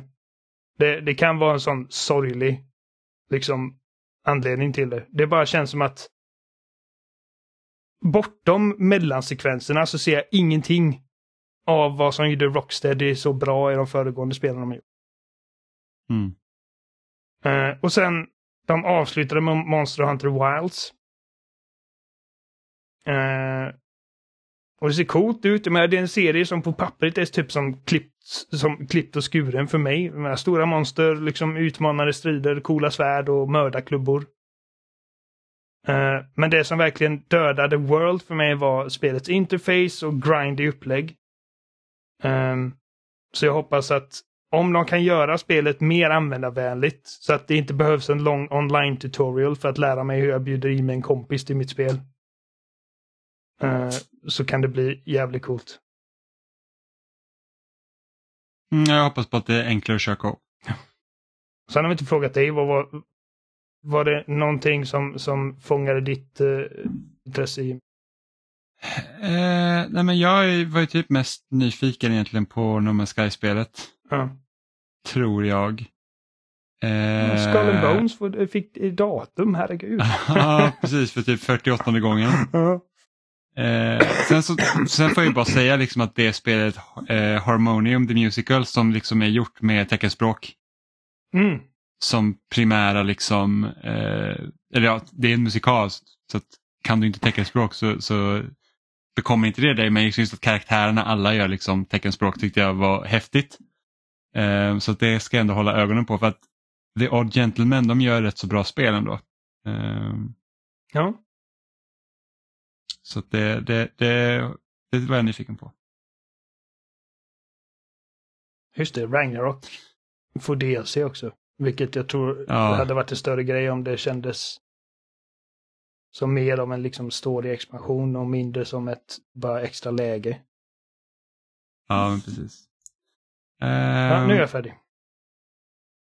Vi har ju spelat en del och eftersom det här är sista avsnittet innan årets spel som vi kör nästa vecka och sen så är det lite paus och sen spelmusikavsnitt så har vi lite att, att hinna med. Eh, och Amanda, du har ju spelat Steamworld Build i veckan. Det stämmer bra det. Som, som en riktig sån här Steamworld aficionado. Vad tycker du om detta spel? Alltså det här är ett spel som jag verkligen har sett fram emot.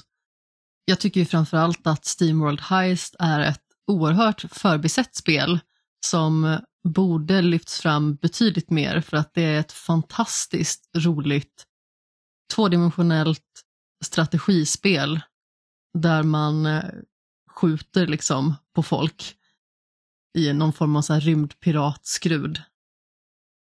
Och det känns liksom som att eh, det är väldigt få som jag pratar med som har sett det här eller har testat det, men de få som faktiskt har gjort det älskar det, precis som jag.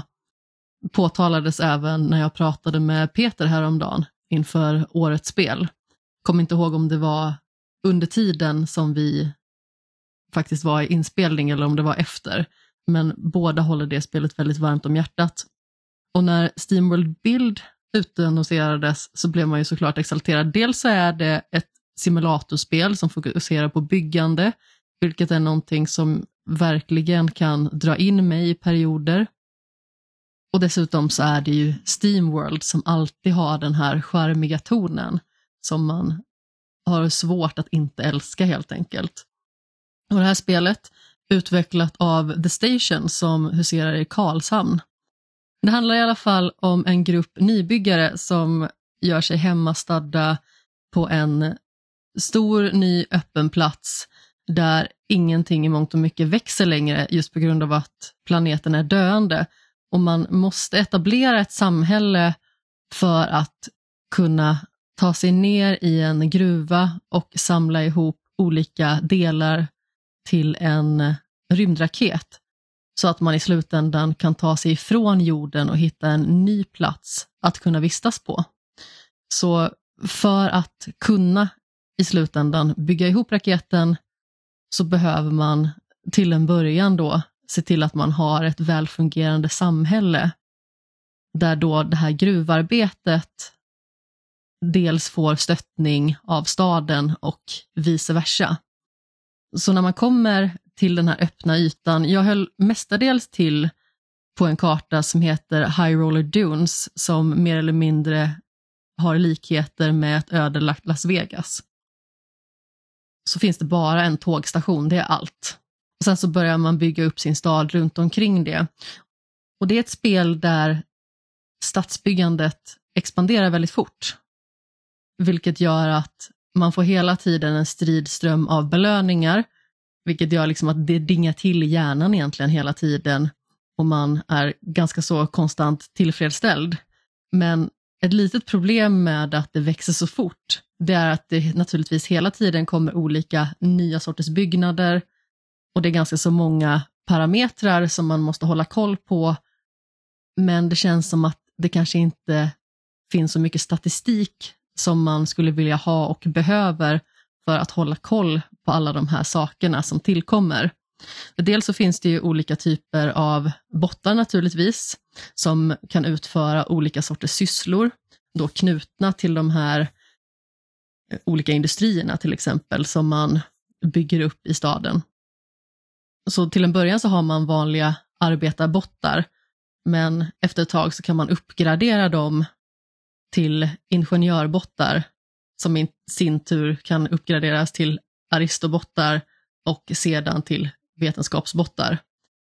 Men där måste man också ha en form av balans innebärandes att om man helt plötsligt bara sitter där med 40 aristobottar, då finns det inte tillräckligt med bottar som kan göra de andra sysslorna för att staden ska kunna vara välfungerande hela tiden.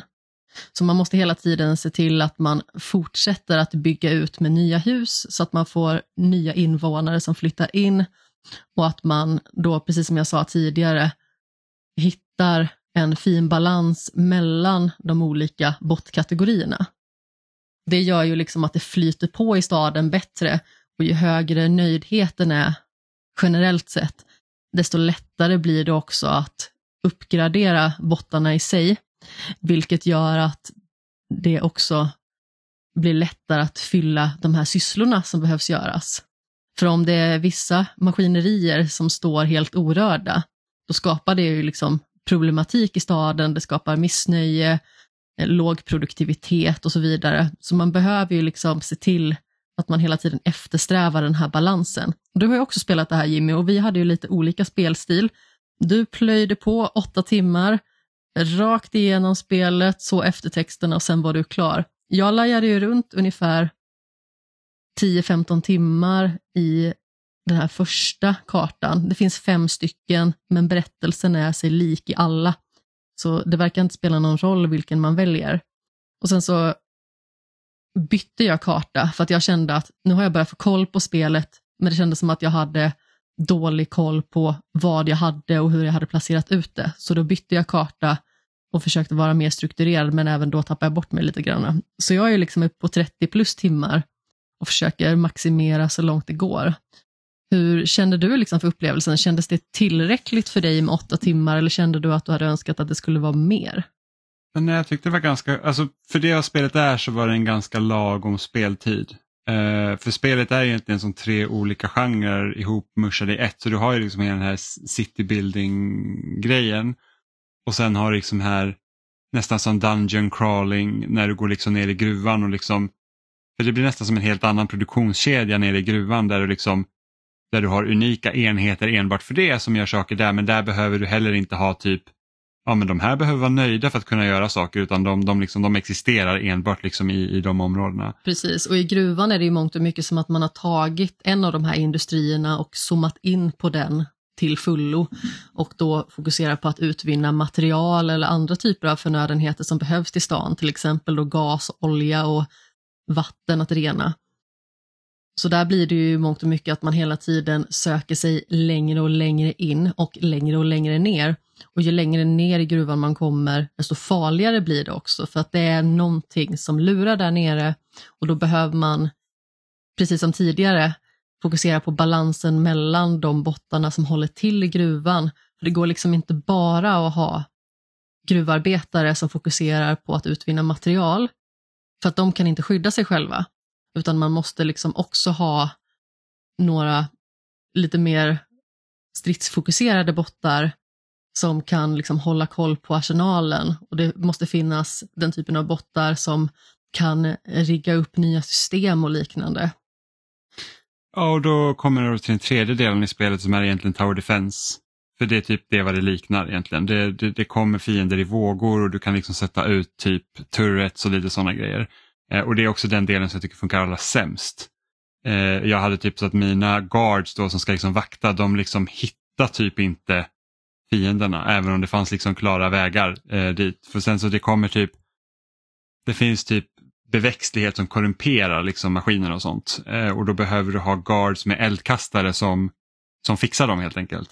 Eh, och ibland när man liksom kom ner i gruvan och man bara, men här är liksom ett helt område som har blivit överväxt och mina liksom eldkastare de liksom står och gör absolut ingenting någon annanstans. Så att ju mer avancerat det blir så svårare blir det nästan för pathfindingen att fungera. Eh, men jag tror ett av de här spelen som, som, som Steamworld Build liknar mest det är egentligen jag vet inte om det här var en spin-off som var utvecklat av Maxis, men det fanns ett spel som hette Simtown eh, som, är, som var typ SimCity fast mycket simplare. Där man liksom, du byggde typ inte zoner och sådana grejer utan du byggde faktiskt färdiga hus du liksom placerar ner eh, eh, byggnader snarare än att du liksom säger att men här är byggnadsområdet så då, då zonar vi upp det och sen så här är ett industriområde så zonar vi ut det. Utan där var det verkligen så att här har vi en restaurang, här har vi ett hus och lite sånt. Ja men precis och det är samma sak här. Här sätter du ner din salon och du sätter ner din verkstad och din kolgruva och allting det kan vara. Ja, så, att, så att det, det, är liksom lite simplare och på den graden så gör det också att jag tycker att speltiden var ganska lagom för att jag kände även mot slutet var så att okej okay, men nu, nu vill jag egentligen bara rappa upp det här för att jag, liksom, jag känner inte att jag kan utvinna så mycket mer av det här. för att Som liksom ett, ett simulatorstrategispel så är det ganska, liksom, ganska sparsmakat på statistiken man kan ta del av och liksom saker man kan påverka. Utan det mesta man måste ha koll på det är liksom att vad har jag, hur kan jag göra mina liksom, eh, invånare nöjda så att de betalar skatt så att jag kan uppgradera dem så att jag kan köpa de här byggnaderna så att de kan vara nöjda så att jag kan hitta de här delarna. Precis, och man måste hela tiden laborera med den här balansen som jag hela tiden återgår till. Så att folk kan bibehålla sin nöjdhet och att det liksom blir lättare i alla produktionskedjor för att det mesta är liksom sammanlänkat. Om du ska ha liksom en moonshine-fabrik så kommer den behöva olika beståndsdelar från andra typer av industrier där det liksom går ifrån att du har någon form av sandfabrik, du har en glasfabrik, men du behöver också ha någonting från kaktusfarmen. Så att man behöver hela tiden se till att det är tillräckligt hög produktionsnivå på allting. Så på så vis så finns det ju liksom ett djup som man behöver ta i beaktning. Jag hade önskat, precis som du nämnde och som jag nämnde tidigare, att statistiken var liksom lite mer utbredd så att man kunde hålla lite mer koll. För att ibland så kändes det liksom som att man var tvungen att leta sig fram lite väl mycket. Ett tag så visste jag liksom inte riktigt hur många sådana här ställen har jag satt ut egentligen och jag hade gärna velat ha någon form av överblick som gör att jag har koll på men hur många varuhus har jag ute egentligen? Ja, eh, det är väldigt svårt för att vissa byggnader är så pass lika varandra också och det är det att du har, så att har du lagt liksom ner x antal av till exempel salongen och så är det bara men var, var är de? liksom det, det, det, kan vara lite svårt att överblicka så det är lite synd. Eh, sen så hade inte jag haft någonting emot om det hade varit en mer elaborerad liksom city-simulator snarare än liksom att, att vara de här tre olika delarna. Då. Nu, nu tar jag det ganska bra inspiration då från Steamworld Dig som är egentligen vad ska man säga, första spelet i den här gruppen av spel som de har skapat. Det finns väl också ett Steamworld Tower Defense som kom tidigare men jag har inte ens testat på det och jag har nog inte hört någon som har spelat det. Det har jag ingen aning om.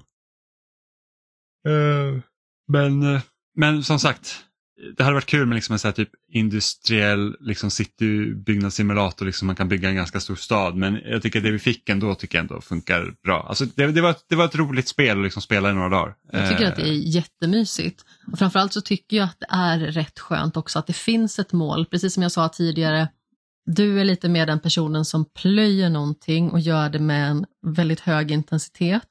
Medan jag är lite av någon som sitter och bubblar under en längre period. Jag har ju liksom också haft det lite på i bakgrunden och pillat och grejat lite granna och gjort liksom sådana här små grejer medan jag till exempel satt och skrev referat häromdagen eller medan jag satt och skrev recension häromdagen.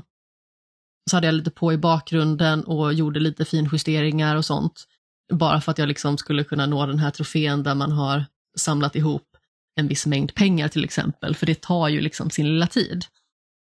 Men det är ändå ganska så roligt hur olika det blev för oss. För att jag till exempel har nästan alltid guld i överflöd, någonting som du nästan aldrig hade. Och jag hade en period där jag hade svårt att få koll på den här balansen och låg nästan hela tiden minus där jag fick en liten notis, typ var tredje minut där det stod du förlorar pengar. Ja, jag förlorade och, aldrig pengar. Det var liksom pengar Trots det så hade jag typ 800 000. Det kändes som att min summa pengar växte hela tiden, men jag förlorar hela tiden pengar. Så det kändes som att jag förstår liksom inte riktigt hur det här går ihop. Men det var också för att jag sålde en del grejer till liksom en ganska så rejäl prislapp just på grund av att det kommer ju ett tåg var femte minut till den här tågstationen, vilket gör att man kan byta till sig varor som man kanske har lite bristvara på. Man kan dessutom sälja varor som man har mycket av, sånt som är i väldigt hög produktionsnivå. Sen så finns det också andra saker som man kan köpa i en shop på tågstationen och den uppdateras också där var femte minut. Till exempel kan man köpa mer guld, mer rubiner och liknande. Och man kan också köpa sånt som effektiviserar samhället som man då kan sätta in i ett litet fack på respektive ställe då. Ja. Men som sagt, jag tyckte att det här var underbart. Det kändes som någonting som jag precis behövde just nu. Väldigt lagom nivå.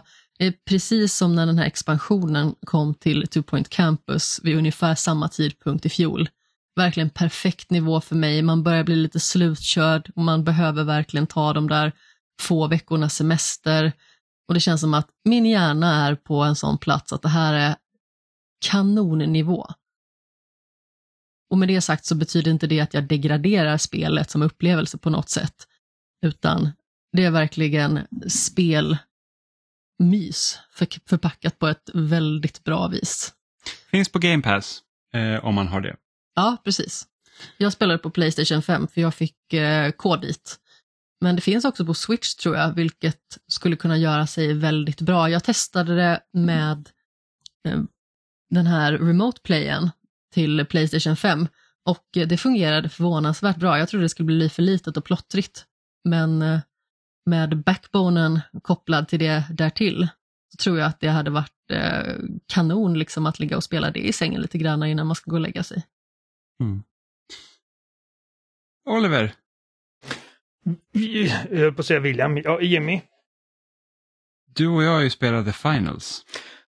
Ja, just det. Fan. Ja. Så, som är ett multiplayer-spel från Embark Studios som är eh, en studio som består av gammalt DICE-folk mm. kan man väl säga. Till viss del. Och Emma som uh, har varit med i Spelsnack uh, jobbar där. Ja. I synnerhet vårt favorit X-Dice-folk. Precis. Ja, precis. Eh, eh, och det här spelet, jag har testat betan lite smått tidigare.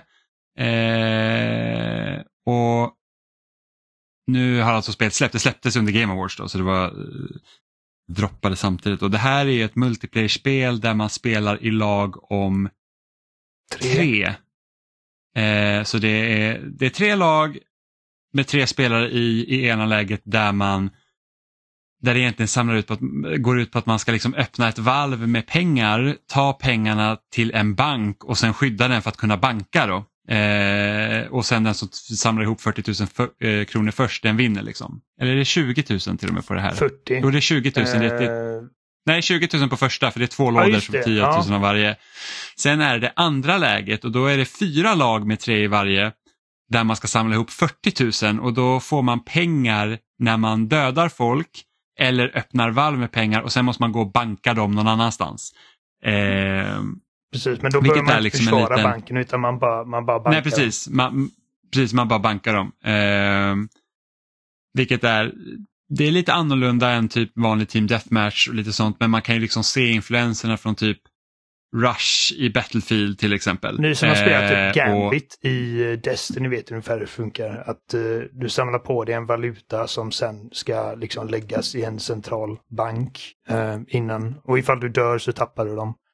Och det blir liksom yes. en lavinartad grej för att en kille liksom bär en, ett mynt, vilket är tusen. Uh, men när jag har dödat liksom några stycken på rad och då kanske jag har dödat någon som har haft ännu fler kills. Så helt plötsligt kan jag liksom springa runt på 12 000 och då blir jag liksom en mycket större måltavla för alla andra. För man ser vad de andra bär runt på. Ja, och jag tror att ju mer pengar du har ju, ju längre bort syns du också. Så att du liksom, du syns, du blir synligare mm. med mer pengar på dig. Ja, så det blir, det, det blir och, kaos väldigt snabbt. Ja, och hela inramningen för spelet, så The Finals är typ som en, det är som en en reality-tv-show, liksom, att det här är lag som tävlar på riktigt. Mm. Eh, och du har liksom en publik som tittar, så du har en kommentator liksom hela tiden som kommenterar matchen och sen så är man ju då de här lagen som har, du får inte bestämma själv vad du heter eller vad du har för lag utan du, du liksom blir tilldelat ett lagnamn och sen så kommer du liksom höra under matchens gång att typ, ah, det var wipe för det här laget och det här laget har så mycket pengar och lite sånt. Eh, så det är en ganska rolig liksom inramning. Och på grund av att det är gammalt Battlefield-folk så vet man också att det känns ju bra att spela, alltså skjuta vapen och hantera det, det känns väldigt mycket Battlefield. Det var det första um, liksom, det... intrycket jag fick var att uh, det, det, känns väldigt bra, inte bara att skjuta utan också röra sig. Det är väldigt liksom väl animerat uh, och animerat på ett sätt som, som påminner väldigt mycket om uh, Battlefield-serien. Um, det, det, ganska snyggt, alltså det, det är liksom cartoony i sin estetik men med väldigt eh, realistisk eh, ljussättning och, och, och, och, texturer och sånt är väldigt högupplösta. Och det känns väldigt Mirror's Edge ja. liksom i sättet hur det ser ut också. Det, det, är liksom väldigt skarpa färger samtidigt som det är liksom väldigt sterilt och cleant. Väldigt angulärt. Eh, ja, så, så det, det, ser väldigt bra ut. Eh, och det och typ man liksom indelar, det finns tre olika klasser så det kan alltid vara eh, lightweight, midweight eller heavyweight. Eh, och, och, och, då får man liksom tankarna till Brink, eh, fast en bättre version av Brink. Men liksom det känns lite som att de idéerna kom därifrån. Ehm, och alla har och, sina egna färdigheter och, eh, och vapen. Um, yes. Så midweighten är eh. liksom eh, väldigt mycket av en supportkaraktär. Man kan hila sina teammates och sätta ut jump pad som gör att du kan liksom studsa upp på taken för att det är väldigt liksom vertikal bandesign. Det finns ja. ingen fall damage så du kan hoppa från vilken höjd som helst. Uh, yes. Nästan Och väldigt allt... stort fokus på, på destruction. Precis. Så att liksom från Bad Com alltså det känns typ som Bad Company 2 i det avseendet. Inte liksom hur destruction har varit i de senare Battlefield utan det är verkligen så att du kan rasera det här rummet i typ helt och hållet och taket ramlar in och sen så bidrar det liksom till kaos. En av de coolaste grejerna jag gjorde var att vi, det var ett lag som höll på för att när man, när man kommer till ett valv, det, är liksom ett, det, det ser ut som ett litet kassaskåp helt enkelt. Och när man öppnar det så mm. är det en liten timer innan det öppnas. Och den låter väldigt mycket så att den drar till sig uppmärksamhet. Liksom. Och det var ett lag som hade öppnat eller startat liksom öppningsprocessen på ett av valven och det var på en balkong. Och då tog jag en rocket launcher och sköt bort balkongen så att alla pengar bara trillade ner i min famn och jag sprang iväg. Uh, så mm. även liksom objectives går liksom att ifall du skjuter, om du skjuter ett raketgevär i taket ovanför dig, när ett objektiv är ovanför dig så kommer det trilla ner med dig liksom. Yes. Det, det, är lite som typ när man raserar ett hus med lådan i, i Rush i Bad Company 2 så gick lådan sönder. Ja. Liksom, det, det, är lite åt det hållet. Fast här går det inte ehm, sönder utan objektivet flyttas. Nej, liksom. utan den, bara flyttas bara. Så att, så att, det är liksom det blir väldigt snabbt kaos i det här spelet. Lite så här typ att man har tänkt att vi vill ha lite Battlefield moment i det här spelet. Liksom att det är att oj shit, hela rummet raseras sönder, objektet flyttades ner och vi kunde typ sno grejerna. Eh, vilket är väldigt roligt. Man känner igen Men... designfilosofierna här. Liksom. Yes, men det känns som att spelet ligger lite i två olika läger här. Alltså att du har, du har ena benet i det man liksom gillar med Battlefield, liksom här destruction, hur det känns att skjuta. Det liksom de försöker få så här synergier liksom mellan klasserna. Även om det liksom inte är lika eh, styltigt, eller styltigt, binärt som det var typ i Bad Company 2. Det var så att du är medic, du support, du är engineer. Liksom. Mm. Eh, men sen har du också andra benet i hur Battlefield utvecklades sen, sedan. Liksom, att det, det, blev väldigt mycket kaos för att det finns väldigt mycket gadget att låsa upp som gör olika grejer. Det kan vara osynlighet, det är giftgas, det är rocket launchers och det är, det är liksom det är väldigt mycket att hålla koll på. Eh, som vilket snabbt kan göra så att man känner sig lite, ah, det är lätt att bli irriterad. För, för att ett, man kanske inte riktigt hänger med och förstår alla grejerna när det är nytt såklart. Och att det liksom känns som att folk hittar liksom redan nu taktiker som gör liksom att har du inte låst upp grejer så känns det lite orättvist. Så här, så här kan jag sammanfatta min upplevelse, för jag har spelat det vid två tillfällen. Första var på lördagen och sen spelade du och jag i söndags, alltså igår. Ja. Och, och då körde, och tänk när vi körde i lördag så satt vi typ nästan fem timmar i sträck och spelade. Gjorde vi det? Ja, det gick snabbt i så fall. Ja, jag tror jag hade fyra timmar och 40 minuter på timern ja. efter att vi hade slutat. Ja, nej, så första, första dagen vi spelade var jätteroligt. Det var du och jag och Adams. Vi hade ett fullt lag.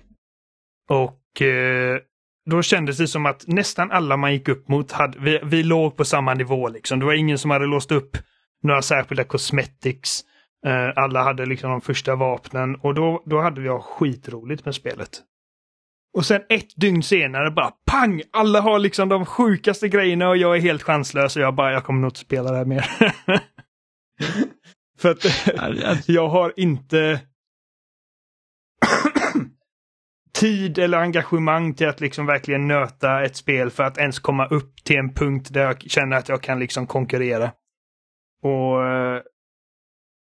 och det är som du sa, liksom att det ger liksom e- en, en spelarbas några timmar. Sen har de hittat alla de vidrigaste kombinationerna av vapen, equipment och abilities. Uh, för det var liksom, eh, den första matchen vi körde igår så var det liksom, det var särskilt en spelare som verkligen var en törne i min sida. Liksom med, han var en lightweight spelare så han är snabb som fan.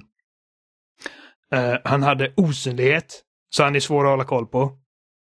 Och han hade en stungun, vilket gör att han stannar mig med den här och jag kan helt plötsligt inte göra ett skit.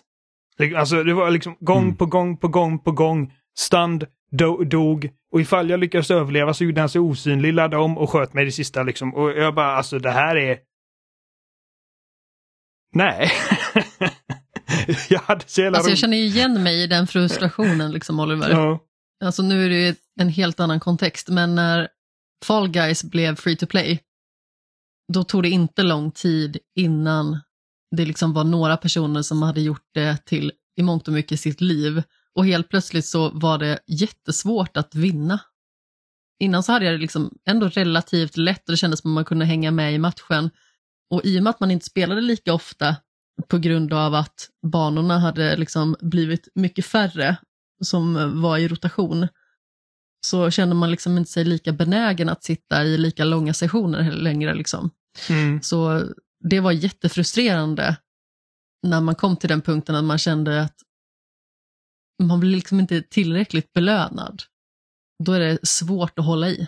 Ja, äh, alltså, jag, eh, jag säger inte detta som någon form av liksom, åh, jag tycker inte Finals är bra, för jag tycker att det är bra. Det är bara att helt plötsligt så var det inte för mig längre. För att jag kände att det tar tid för mig att låsa upp alla de här grejerna. Och det är inte bara liksom att okej, okay, jag måste hitta rätt equipment att låsa upp. Jag ska också hitta rätt vapen att låsa upp och rätt ability att låsa upp och alla de grejerna kostar rätt mycket pengar och det är rätt mycket tid man måste lägga för att få dem. Um, mm. Jag eh, jag bara kände ifall, ifall det är den här klyftan jag kan räkna med efter ett, ett dygn, liksom, hur kommer det se ut om en vecka? Liksom? Så att jag bara såg mm. framför mig, ifall jag ska kunna liksom ha konsekvent roligt med detta så måste jag verkligen, alltså det här ska, det här ska bli mitt spel nu, liksom framöver. Och, och in, i nästan inget spel har liksom den, eh, ska man säga, longevityn för mig längre. Um, jag förstår liksom att dels, alltså, jag, jag, jag önskar dem all framgång och, och jag, jag, känner att rent business beslutmässigt så är det rätt val att göra det free to play för att det är jävligt svårt att liksom att få ett fotfäste i en så etablerad marknad som multiplayer shooters. Uh, men, men jag personligen hade liksom mycket hellre sett att det här är ett spel du betalar för och sen så liksom att det, att det inte ska behöva vara grindy. Liksom att oh, det här ska bli ditt liv nu. Mm. Uh, och här är ditt battle pass, du måste jobba dig igenom alla grejerna. Och men, som, som jag sa till dig igår, liksom att jag, jag, bara, jag saknar när spel var, här är dina fyra klasser, de har specifika jobb och liksom du kan inte pilla för mycket med dem och, och liksom förstöra spelbalansen med rätt kombinationer av skitgrejer. Mm. Uh, och det är därför vi liksom ofta återkommer till Halo. Ja. Bara det, det är du det, och dina soul Det är vad det är liksom. Ja. Och det är liksom så att du kan vara borta i flera månader och komma tillbaka och du känner fortfarande igen spelet och liksom du, så här, du behöver bara slipa lite på din, dina skills så att du liksom kommer lite up to snuff så att säga. Mm. Men, men, men liksom det är inte så att jäklar vad var det för klass jag hade nu och jäklar vilka vapen var det som bra. Oj, de har gjort balanseringsändringar här. Hmm, då vet inte jag om mina kombinationer fungerar längre. Det är liksom Nej. Och det är, liksom, det är svårt att hänga med. Eh, och jag hade nästan också önskat att det var liksom mindre skit på klasserna. Eh, så att det är liksom lättare att komma in i. Men som sagt, det, vi är inte målgruppen. Vi, liksom, för att vi är inte de som kan sitta och spela det liksom för evigt. äh, alltså, Nej, men precis. Så det... Ja, fortsätter man. Det märktes väldigt tydligt i ton, liksom precis som du var inne på tidigare Oliver, för jag satt ju bredvid under båda de här spelsessionerna mm. i lördags när jag satt och skrev eh, mitt referat. Då när ni hade den långa sessionen, då var det väldigt mycket mer tjo och kim och stoj. Medan igår när jag satt och skrev min spelrecension så var det mycket mer liksom morr och gruff istället. Men stora skillnaden också var det att vi var faktiskt tre stycken i lördags och igår var vi bara två och det blir jättestor skillnad oh. att bara vara två. Eh, när lagen är så pass små och när de är så många. För då blir det liksom så att om person nummer tre inte hakar på, då är det svårt. Och speciellt då om man väljer att följa efter person tre som inte då sitter i party med en och den vet inte riktigt vad de håller på med, då blir det också svårt. Mm. Eh, så att, att det kändes ju ofta som att vi bara typ var två i laget för att vi inte kan kommunicera med den tredje spelaren. Även om vi hade en tredje spelare som var bra så är det ändå svårt när vi inte kan prata för att det är så små marginaler. Mm. Eh, men som sagt, skillnaden mellan lördag och söndags var ju också det att helt plötsligt så var liksom, alltså det sprängdes ju hela tiden. Det var liksom att när man körde den här, um, heter den cash grab, eller den i alla fall med banken när man liksom ska springa med en låda på 10 000, då var det liksom så att då är det någon som står och snipar längre bort och sen är det någon som skickar in eh, eh, rocket launcher och sen är det någon som skickar in grenade launcher. Så att det liksom bara konstant liksom explosioner. Och det är bara så att ja, min hjärna klarar inte av att hämta in de här intrycken. för att det är så att, jag sa det igår, det är fan det deprimerande. bara sprängs! Det är fan deprimerande. Mina ögon är för gamla för det här. Ja, ja men nu är det verkligen det är så old man years ett cloud alltså, men det var verkligen så här man bara, alltså, åh oh, gud. Och sen typ att man, det är inte som att du dör på en explosion heller utan man har ganska mycket liv. Eh, det är inte COD eller Battlefield utan du har liksom mer hälsa. Vilket gör att du kanske kan bli träffad av typ två, tre eh, liksom grenade launcher skott innan du dör. Men det är liksom man bara, allt bara sprängs och där är jävla granatrök och där är, kommer en flashbang och där nu skickar någon smoke och nu tar jag skada av där, nu är det eld. Så att det är liksom man kunde ju snabbt också börja se vilket equipment som var väldigt bra anpassat för den typen av spelläge. Eh, så att det är liksom så här att varför ska jag ha en granat som kanske dö, som är visst starkare och kanske dödar någon men om jag slänger eld på lådan så är det ett mycket större område som tar skada en lite längre tid. Så att det är liksom jag tror att de kommer ha ett ganska stort jobb också, så hur de ska balansera upp det här och tänka lite på gadget och sånt. Och sen så kommer det säkert komma mer grejer. Alltså det är liksom så att det är ett live service-spel, ja. där lägga till vapen och gadgets och allting. Så att om, om ett halvår sen så när man kommer in då bara what the fuck, vad har hänt? det är liksom... Alltså jag, ja. jag, jag, jag tycker inte döma ut spelet efter bara sex timmar. Och, och, alltså jag, jag kommer nog spela mer och... Eh... I alla fall om vi kan vara tre. Ja, och jag, jag lyfter på... För vi hade, det var väldigt kul i lördags. Ja. Och jag, jag, lyfter på hatten för Embark som har gjort någonting som jag tycker är, är, väldigt spännande. Jag tycker att konceptet är roligt. Det känns väldigt, jag menar, det spelet fungerar liksom. Det är, alltså, oh, Gud, ja. det, det, är stabilt och det känns polerat och slipat. Um, så att det, det, här är, det här är ett bra spel. Jag spelar mycket hellre detta än typ Fortnite eller, eh, eller liksom de andra live service-grejerna. Um, det är mer liksom... Fortnite är jävligt roligt alltså. Ah, ah. Och nu har de lagt till, nu har de lagt till ett typ Minecraft-spel i Fortnite, så Lego Survival. Och sen har de lagt till ett typ racingspel som typ heter Rocket, någonting som typ det ser ut som bilarna från Rocket League men det är liksom ett racingspel. Ja. Och sen har de också lagt till ett musikspel i Fortnite, vilket också är helt sjukt. Ja, alla de grejerna har inte jag testat. Alltså när jag spelade senast var det liksom där Battle Royale med liksom med byggen ja. och sånt. Och, och, och, när jag säger att ah, jag vet inte. Det betyder inte att jag tycker att Fortnite är dåligt. Jag tycker Fortnite, jag tycker, alltså jag brukar ofta nämna Fortnite som liksom ett perfekt exempel på hur man liksom utvinner guld ur en sten. Liksom. Alltså Epic har gjort väldigt många bra val med det spelet. Um, och jag tycker att det är ett, ett imponerande, liksom en, en imponerande framgångshistoria. Det är bara inte för, för mig, för att jag, jag tycker generellt inte om Battle Royale-spel. Uh, mm. Det är liksom att bara, åh, jag springer över en, ett, ett öppet fält i, i 40 minuter och samlar på mig grejer och sen blir jag snipad de sista två minuterna. Jag, alltså, det är inte roligt.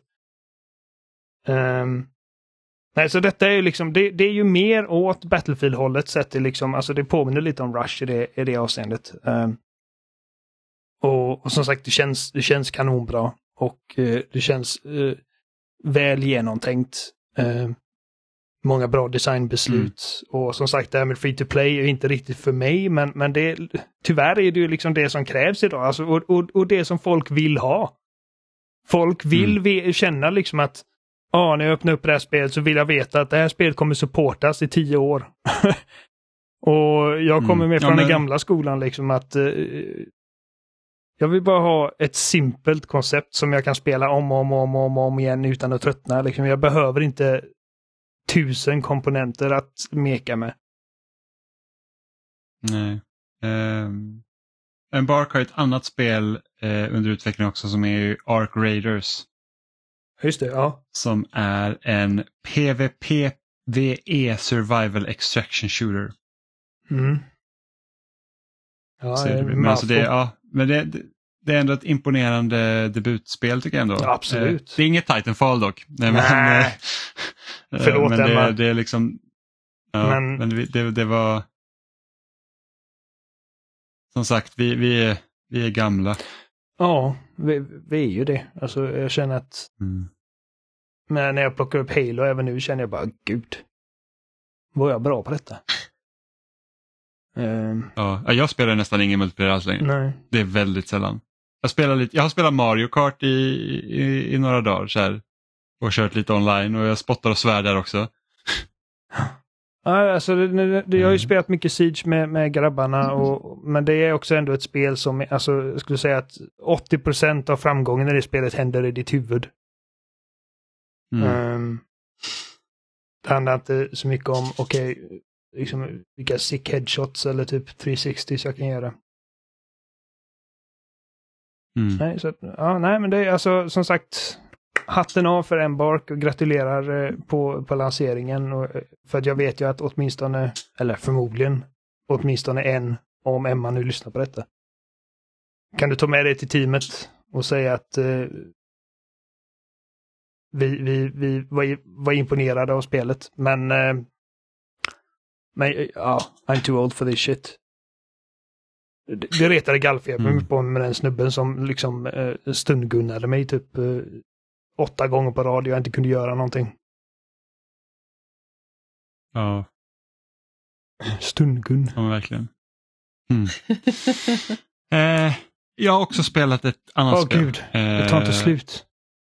Ja, jag vet, Vad jag inte, egentligen har jag spelat massa vad olika ska du spela spel. nu? Jag har, Eller prata om nu men. jag, har, jag har spelat Laika Age Through Blood. Eh, som är, man ska säga att det är korsning mellan typ Hollow Knight och Trials HD. Och Backbone. Och Backbone. Precis, så att man, man spelar en hund som heter Laika som lever i en värld där liksom fåglarna har tagit över och styr. Så de lever liksom undangömda i, ja, i en gömd by helt enkelt. Eh, och för att försöka överleva bara. Eh, och Laika kan, hennes familj har någon form av eh, förbannelse så hon kan liksom prata med döda människor. Eh, och det gör också att hon inte kan dö, vilket gör att man respawnar hela tiden. Eh, det är liksom hela grejen då att när man väl dör då så, så kan man komma tillbaks till checkpoint men det, du dör inte utan du, du dör och respawnar. Hon och åker det är liksom, motorcykel. och hon åker motorcykel ja. Så att du, får de allt från? hela spelet jag vet, hela spelet går ut liksom på att du kör motorcykel i, i Metroidvania. Då. Eh, och det, det liksom baseras ju på fysik och sånt. Så, man, så att har man spelat Trials HD så känner man liksom ganska mycket igen sig hur man ska hantera motorcykeln. Eh, vilket är så kul, den är en så udda liksom idé eh, på ett spel. Eh, och jag var lite orolig så här, att fan kommer det bli jobbigt liksom, att hålla på och, och, och köra runt den här jävla motorcykeln och försöka liksom, ja, men typ trixa sig upp för någonting ibland och sådär. Och ibland kan det vara lite frustrerande, speciellt när man åker mycket fram och tillbaka. Men på det stora hela så tycker jag att de har lyckats väldigt, väldigt bra med det. Eh, det liksom har verkligen grävt ut lite sin egen nisch i det här eh, ganska liksom mastiga genren. Det finns många olika spel. Eh, men jag tror det som liksom stannar med mig mest det är nog spelets berättelse för att det här spelet är otroligt mörkt. Alltså det är liksom, jag vet att när Last of Us 2 kom ut och folk var så här, ah, jag orkar typ inte spela det. Man bara, det här det är ingenting mot vad de här stackars hunden får uppleva. Eh, så spelet börjar ju typ att man hittar en av sina kompisar som hänger i, i liksom typ, ehm, vad heter det, så här vägskyltar som, som hänger över typ motorvägen. Det heter bara vägskyltar. Ja, det tror jag. Ja, eh, liksom hänger i sina egna inälvor uppsatta liksom mellan två stolpar och man bara what? Det här ska vara tecknat och gulligt. Ehm, och, och karaktären man spelar, så hon är så jävla less på världen. Liksom. Det är verkligen så här, alltså det är verkligen skit. Det finns liksom typ inte mycket hopp här. Ehm, och hon har då en, en, liksom en hundvalp som heter Pappi. Eh, som hon liksom egentligen lever för. Så att det är mycket spelets liksom, tematik går ut på också. Att, att oavsett hur mörkt och förjävligt omvärlden finns så, så har man saker man liksom kämpar sig vidare med. Även om det liksom är svårt. Ehm, och det är liksom helt genomgående i hela spelet. Alltså det, det, det lättar liksom aldrig. Det är, alltså det, det är verkligen så här, fy fan vad mycket skit de här måste liksom stå ut med. Ehm, och bara typ det när man så här fick frågan så här, men hur känns det liksom när du kommer tillbaka till livet? Och bara, varenda cell i min kropp skriker varje gång jag kommer tillbaka till livet. Och man bara, jag har dött över 500 gånger. Det är liksom, jag, jag plågar den här stackars hundjäveln för att jag är så dålig. Um, för att det är ju en grej i det här spelet att du, du dör på ett, alltså blir du träffad en gång så är du död. Eh, slår du i huvudet en gång så är du liksom död, precis som i trials. Det är liksom att landar du upp och ner så, så då, då är du död och så är du tillbaka till checkpoints. Um, och sen så har du då vapen som du skjuter med, så man har en pistol eller en revolver, shotgun och lite sånt. Som, och, och man kan även liksom köpa nya vapen under spelets gång. Uh, och samla resurser för att uppgradera dem och, och, och, det är liksom hela den biten. Uh, men det är heller liksom ingen så här typ bullet hell-variant liksom, där du typ tar någon jävla Uzi och sen pepprar du järnet utan varje gång du siktar in ditt vapen så, så blir det som bullet time. Så du, det liksom blir slow motion och sen så prickar du ut ditt skott för att liksom träffa eh, de andra och det är bara för att du liksom ska kunna ja, men förutse vart skotten kommer ifrån så du ska kunna skydda dig. För att träffas du under motorcykeln så, så deflektar du skotten automatiskt. Ehm, och det gör ju liksom att när man, när man liksom åker upp för kullar och backar och sånt så får man ibland liksom så här, ja, sikta med pistolen så att det är bullet time och sen så kan du då vrida motorcykeln så att du kan skydda dig då beroende på var skotten kommer ifrån. Um, och sen så har du också en funktion där du, när du, om du åker rakt framåt så har en fiende framför dig som skjuter dig och du inte skjuter tillbaka så kan du liksom trycka på X och då slidar du motorcykeln för att deflekta skottet tillbaka till den som sköt. Då. Ehm,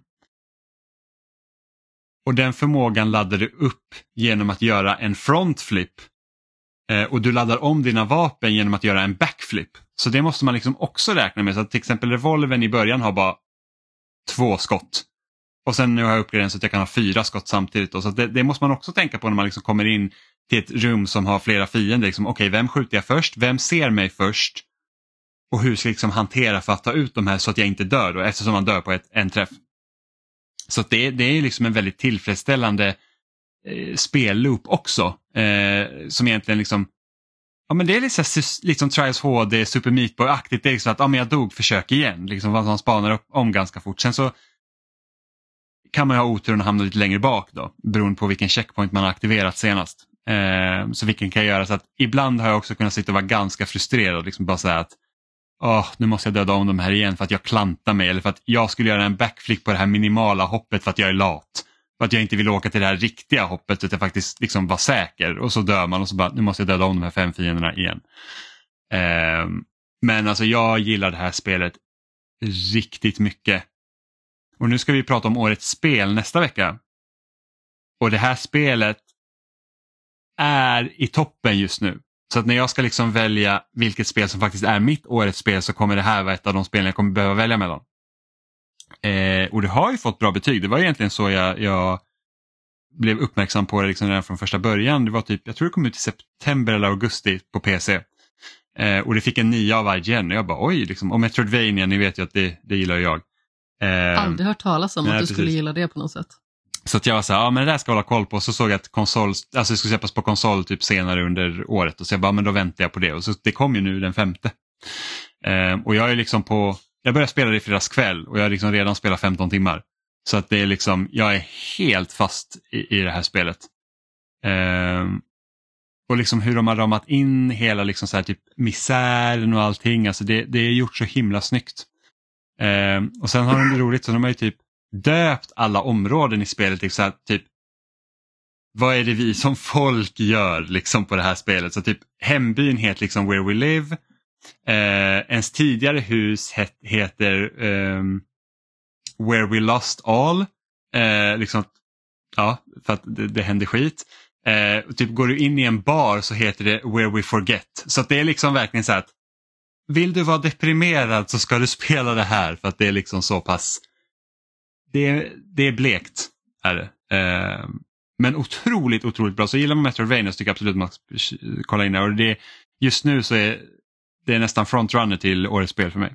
Eh, och jag har, ju, jag har ju sagt det tidigare så att det har kommit väldigt mycket bra spel i år. Jag har fortfarande väntat på det här spelet som man liksom spelar och man bara This is it typ. Och jag känner lite att det här är liksom This is it. Eh, men vi får se då. Det kan ju också vara liksom nyhetens behag så jag måste liksom sova lite på det. Men jätte, jätte, jättebra. Kul. Ja. Så, nu har vi pratat jättelänge så att är det årets sista quiz vi kommer köra nu? Jajamän. För att jag tänker att vi lär nog inte köra quiz nästa år, eller nästa, nästa vecka för då är det årets spel och då fokuserar vi helt på det. Mm. Sen är det spelmusik och sen, extravaganza. Och sen tror jag att vi har en veckas paus för att jag tror ingen av oss, jag tror inte Johan är heller så pigg och typ sitter och redigerar på typ annan dagen. Um, så vi kör en veckas paus och sen veckan efter det så får det vara spelmusik extravaganza då. Och sen så kör vi återigen quiz, då blir det typ första veckan i januari. Om jag räknar rätt. Precis. Ja. Så då är det dags för... Da-da-da-da-da, quiz. Och vi sitter alltså på, som du sa, årets sista och Amanda har 24 poäng, Jimmy har 22 och Oliver har 30 vilket gör att jag är vinnaren oavsett. På grund av min eh, massiva big brain. Ehm, så därför har jag... Känns riggat det här. Ja, så därför har jag gjort en fin eh, kungakrona av papper som jag har suttit med här hela tiden. Uh, bara för att ja, det är så det ska vara. Um, och jag har fem frågor för er och om det är så att i slutändan ni står på samma poäng så har jag en utslagsfråga. så vi, eh, vi kör första här nu. Eh, fråga nummer ett. När Fortnite för första gången eh, avtäcktes av Cliff Blesinski på Video Game Awards var det inte tänkt som ett Battle Royale-spel. Utan mer av ett Survival Tower Defense-spel där du på dagtid byggde ditt fort så stabilt som möjligt medan du försvarade mot zombies på nattetid. Vilket år visades det för första gången? Jag tror jag vet.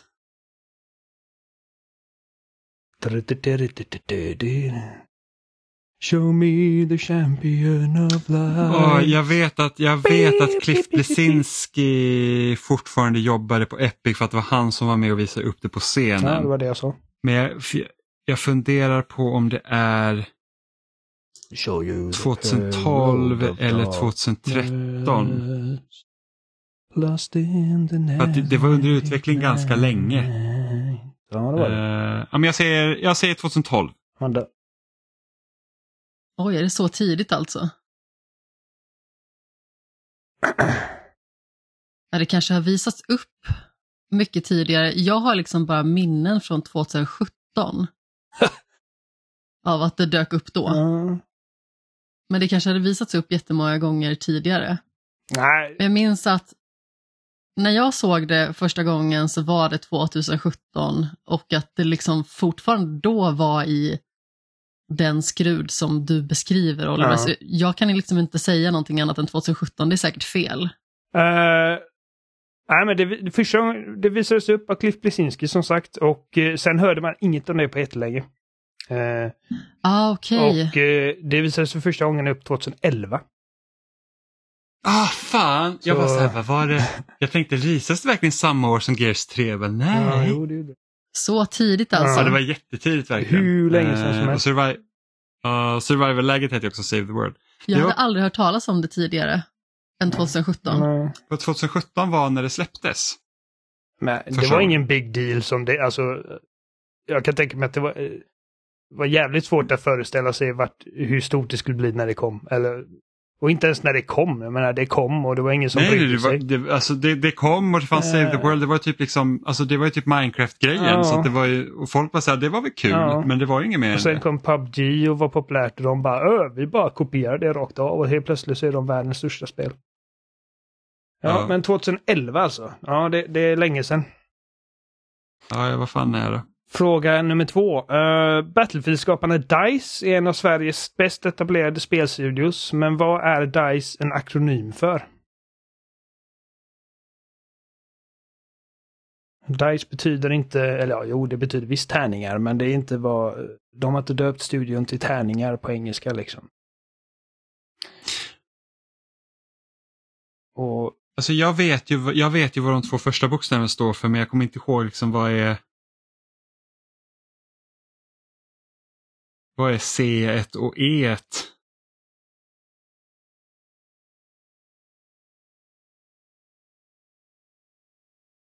ja, Ja men... eh, Digital Illusions är det. visste du också det Amanda? Nej, jag hade ingen aning. Okej. Eh, ja, men det, det är Digital Illusions CE. Och Det är vad de kallar det. Ja. Eh, och jag antar att det står för Computer Entertainment, det vet jag inte, men på, på Wikipedia står det eh, Digital Illusions E. CE. Ja, E1, där kände jag mig ganska så säker på att det skulle vara entertainment, men eh, det övriga hade jag liksom ingen aning om. Det kan ju vara Digital Illusions Crappy Entertainment också, men eh, jag vet inte riktigt. Eh, men ja, alltså jag ger dig den Jimmy för att du CE Det är oklart vad det står för, så att uh, du får en poäng. Ja, men det känns rimligt att Jimmy får en poäng där faktiskt. Ja. Uh, fråga nummer tre. Det ryktas mycket om att skådespelerskan som ska ta sig an rollen som Abby i HBO's The Last of Us är Caitlin Dever, känd för sina roller i grejer som Dopesick och Booksmart. Men detta hade i så fall inte varit den första gången hon arbetat med Naughty Dog i någon form. Vad har hon också gjort tillsammans med dem? Uh, Caitlin Dever var ju väldigt mycket av en så här, fanfavorit att spela Ellie i, uh, innan, uh, innan castingen utannonserades för, för säsong 1. Men jag tror att hon, ja, hon, är lite för, hon är lite för gammal antar jag, är, är, grejen. För att spela en 14-årig Ellie. Hon är ju, vad är hon, typ 27 eller någonting vid det här laget. Hon ser ju väldigt ung ut, men ja. att uh, klara sig vidare som 14, det känns ju kanske lite knepigt. Kolla nu hur gammal hon är. Hon är född 96, hon är, 20, hon är 26 år gammal. Fan kan hon ha gjort med något drag? Typ det om hon hade typ rösten till uh, Nate och Elenas unge i Uncharted 4. Det är typ det jag kommer att tänka på. Om inte hon har typ haft någon röst i Jack and Dexter. Ja. ja, det var faktiskt det jag tänkte på också. Eh, dottern i eh, Uncharted 4 som man, jag har för mig, får spela som i slutet. Ja, det får man göra. Och det är korrekt. Ja, men... Ja. Hon spelar Cassie. Uh... Just det, Cassie var det hon hette. Ja.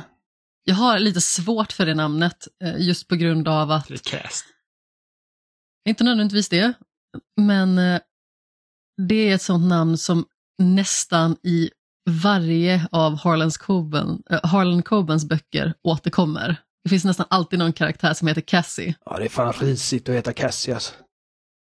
ja, det är lite ja, risigt. Det är risigt att heta Cassie, fy fan vilket risigt namn. Alltså helvete! Uh, då får du varsin poäng där. Uh, Fråga nummer fyra. Hela världen sitter som på nålar, eh, förväntansfulla för att få slänga sig in i GTA 6 år 2025 och bekanta sig med nästa generation av Rockstars Miami-karikatyr Vice City. När vi gör det, hur många GTA-spel är det då som har haft Vice City som skådeplats?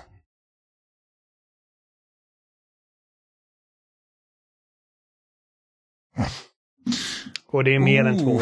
Är, är Vice City med i något av 2D-spelen? Det, det måste det vara. Jag kan jag Oliver inte säga.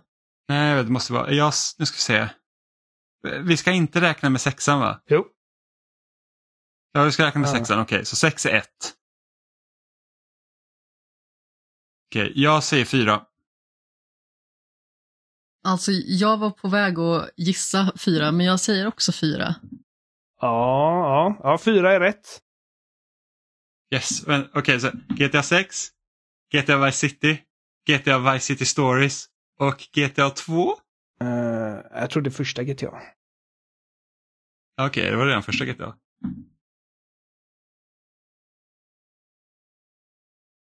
Japp. Varsin poäng igen. Uh... Ja, men det känns som någonting som har återkommit väldigt mycket och det kändes som att tre var för lite.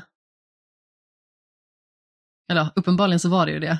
Men det var så jag kom fram till min väldigt svaga slutsats. Ja, men jag tänkte det skulle vara lätt att glömma bort Vice City Stories. Fråga nummer fem. Ja, så man hade kunnat hoppas på att GTA 6 skulle komma redan nästa år, men vi tvingas vänta till år 2025. Denna väntetid kommer sannoliken gå i snigelfart. Sniglar äter man ju i Frankrike, vilket tyvärr inte var ett representerat faktum i Assassin's Creed Unity som utspelar sig under franska revolutionen. En riktig soppa av episka proportioner. Soppa kan man dricka för att få fullt liv, full magi och dubbel attackstyrka i Wind Waker. Och det får man givetvis av Links mormor. Och antikviteter finner man många av i Tomb Raider-serien där vi i rollen som Lara Croft plundrar en och annan grav mellan allt klättrande och mördande. Lara Croft spelades på vita duken senast av Oscar-vinnaren Alicia Vikander en fenomenal skådespelerska vars kanske enskilt bästa egenskap är att hon är uppväxt i underbara Göteborg. Och på tal om total överlägsenhet, vilket spel har vunnit flest Game of the Year-priser genom alla tider? Oj, hur räknar man ens ut det? Ja, man får ju tänka på att det jag inte... tror att jag kan ha en gissning. Man får ju tänka på att det inte är spel då som kom på 90-talet eh, eftersom att eh, antalet publikationer inte var lika många då. Eh,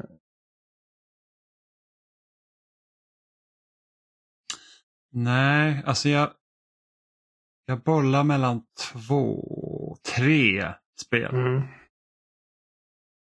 Jag tänker Breath of the Wild, jag tänker Elden Ring, jag tänker Witcher 3. Mm. Och det skulle mycket möjligt kunna vara ingen av dem. Men jag tror jag lutar åt... Fan, Elden Ring slog fan stort alltså. Det... Jag säger Breath of the Wild. Vad säger Amanda?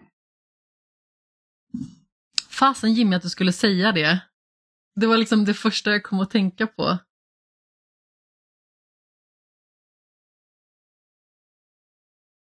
Samtidigt när du nämnde Elden Ring så känns det också rimligt. Jag kommer ihåg också att det fick väl typ mest eh, emotsedda spel på The Game Awards två år i rad eller någonting. Mm, Ja, men det räknas inte. det fick typ- Eh, Nej. nej, gud nej. Men jag liksom har för mig att det liksom började redan innan. Ja, men jag tänker så här att visst, Elden Ring, men Zelda är lite för fler. Mm. Ja, men jag säger också Breath of the Wild. Jag vill, eh, jag vill också förtydliga att eh, det inte gäller liksom Best Art Direction och Best bla bla bla, utan bara årets Nej, nej, spel. utan det är årets spel. Årets spel. Eh, det är Elden Ring. Vänta, okej. Det var Mm. Elden Ring. Fis. Med, men hur räknas detta nummer ut? Eh, alltså är det, är det typ via Open Critic eller Jag Metacritic? googlade. Uh, Elden Ring har vunnit 331 Game of the Year-priser. Och eh, yes. det, det slog The Last of Us 2s rekord som hade 322 innan dess. Har läst vad Oj. två. Ja. Vad hade, vad hade Breath of the Wild då? Ja, jag har inte kollat upp vad alla spel någonsin har fått i... eh, Jag bara, jag, Jag tänkte att det kanske var högt upp så att du hade sett det. Känner den här frågan var lite lurig. bäst... eh, Säkert, något, eh, säkert Martin som har skrivit en fejkad Wikipedia-artikel där om att Elden Ring har funnits flest gånger. Eh, enda, den enda rimliga förklaringen. Typiskt Martin. Ja, faktiskt. Han bara, ja, ska vi se, most... eh, Jigglypuff, best character ever. Så här, Elden Ring 331, It takes... Okej, det här visar de bara varje års Game of the Year. Eh, Breath of the Wild 264. Uh, God of War året därpå 263, så en mindre än Breath of the Wild. Ägd. Death Stranding, va- var det den som vann på Game... Det är klart det var. Nej, The Stranding var väl inte på Game Awards, eller? Vad var det som vann 2019? När kom... fan kom det ut för spel 2019? Alltså jag vet ju att mitt favoritspel 2019 var Sayonara Wild Hearts. Mer än så minns jag inte riktigt. Ja, mitt favoritspel 2019. Nej, det var Sekiro. Var det Resident Evil 2 Remake som var med då? Ja, det var det. Men det var Sekiro som vann. Ja, Sekiro. Sekiro, just det. Jag vet inte varför. För här, här är listan liksom Elden Ring, It takes two, Last of Us och sen Death Stranding. Önsketänkande. Ko- Kojima gick in och bara Everything is Kojima, Kojima is everything. Okej, nu ska vi se. Nu fick ni ingen poäng på den. Så Amanda vinner över Jimmy med en poäng. Ja, det var för jävligt. Eh, Fast hade hon svarat Elden Ring så hade hon vunnit med två poäng. ja. Jag var bra nära, för Ja. när du nämnde det så var jag på väg att vända för att Breath of the Wild var det första som slog mig. Det var verkligen det som kom upp absolut tidigast. Jag kände att det året det släpptes så var det nästan det enda folk pratade om kändes det som. Mm. Fast å andra sidan så Och visst, det kom bra spel. Super Mario utöver det. Odyssey släpptes också det året. Så Ja. jag kan tänka mig att det nallade några där. Men men samtidigt kändes det som att folk återvände hela tiden till Zelda. Fast Elden Ring. Alltså hela 2022, Jo, hela 2022 var vår crewmate-chatt typ Elden Ring. Jag vet, men det känns ändå som att trots att Elden Ring tilltalade så många känns det samtidigt som att Breath of the Wild kanske tilltalar ännu fler, liksom en bredare massa. Jag har kollegor på jobbet som nästan bara spelar typ Breath of the Wild och Tears of the Kingdom och sen något spel däremellan. Mm. Jo, men sen tror jag det finns det finns ju massor av Zelda-fans som föredrar gamla Zelda-spel. Uh, och Sant. det är inte många från Software-fans som tycker att Elden Ring är det svagaste de gjort. Uh, ja, men alltså, det var ju bättre att du tänkte Breath of the Wild och sen hörde Elden Ring och inte bytte än, än att du tänkte Elden Ring och sen hörde Jimmy säga Breath of the Wild och sen bytte på grund av att han sa det. Uh, jag har en utlag, utslagsfråga som inte spelar någon roll nu, men den hade lytt. Hur många Ridley-troféer finns det att samla i hela Arkham-serien? Och den som hade kommit närmast Oj, hade vunnit. Oh my fucking god. Nu ska se. Ja, men det är en sån som, det är inte meningen att man ska kunna det. Man ska bara Nej. dra en siffra i röven liksom. Fast det här borde jag ju kunna. Jag gissar på att det är typ 635. Det är för mycket. Eller vad sa du nu? Hur många Ridley-troféer finns det i Arkham-serien. alla fyra Arkham-spel? Ah, just det. Hur många sa du Jimmy? 635. Men varför ska man kunna detta, Amanda? Har du någonsin funderat på, har, du liksom räknat varenda trofé någon gång? Nej, men jag hörde fel. Jag tyckte att det var i Arkham Asylum, för att det borde jag egentligen kunna. För att det har jag liksom tagit. Men jag eh, med, nu men måste jag jag, har ingen tänka aning. lite grann. vad, sa, vad sa du? 635? 35. Jag säger 750. Det är 884. Ah, fy Så du hade vunnit den för att du är Så närmast. närmst. Men det är ju för att ehm, Arkham Knight har så jävla mycket. Ja, det... det Ja, men precis. Se.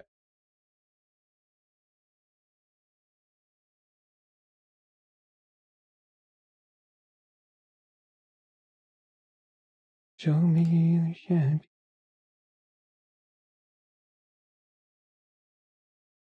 Det finns en i Arkham Origins. Oj! Eh, för att eh, där, alltså. Jag tror att där, där hittar man den första prototypen av de här troféerna antar jag. Eh, det är... Ja, sa jag att det var 240 i Arkham Asylum, va? 240 i Arkham Asylum. 440 i Arkham City. Och 243 i Arkham Knight. Nästan dubbelt så många i Arkham City som i både Arkham Knight och Arkham Asylum. What? Jag trodde det var mycket fler i Arkham Knight. För att du, där, måste du, där måste du typ ta alla troféer för att få det riktiga slutet. Jo, men det är kanske därför det känns extra jobbigt. För att jag kommer ihåg, jag gjorde allt i Arkham City, jag gjorde inte allt i Arkham Knight. Det här innebär inte att, för det kanske finns sammanlagt fler Riddler-utmaningar i Arkham Knight. Det kan ju vara liksom att det finns Ah, ännu fler. Riddles och, eh, och ballonger och skit att poppa. Just troféerna. Ja, men i Batman Arkham Asylum så är det ju ganska så mycket småbös till exempel. Ja. Eh, Det finns ju olika typer av gåtor i miljöerna, men de är ju inte lika överväldigande som de eh, utmaningar som man stöter på i Arkham City till exempel.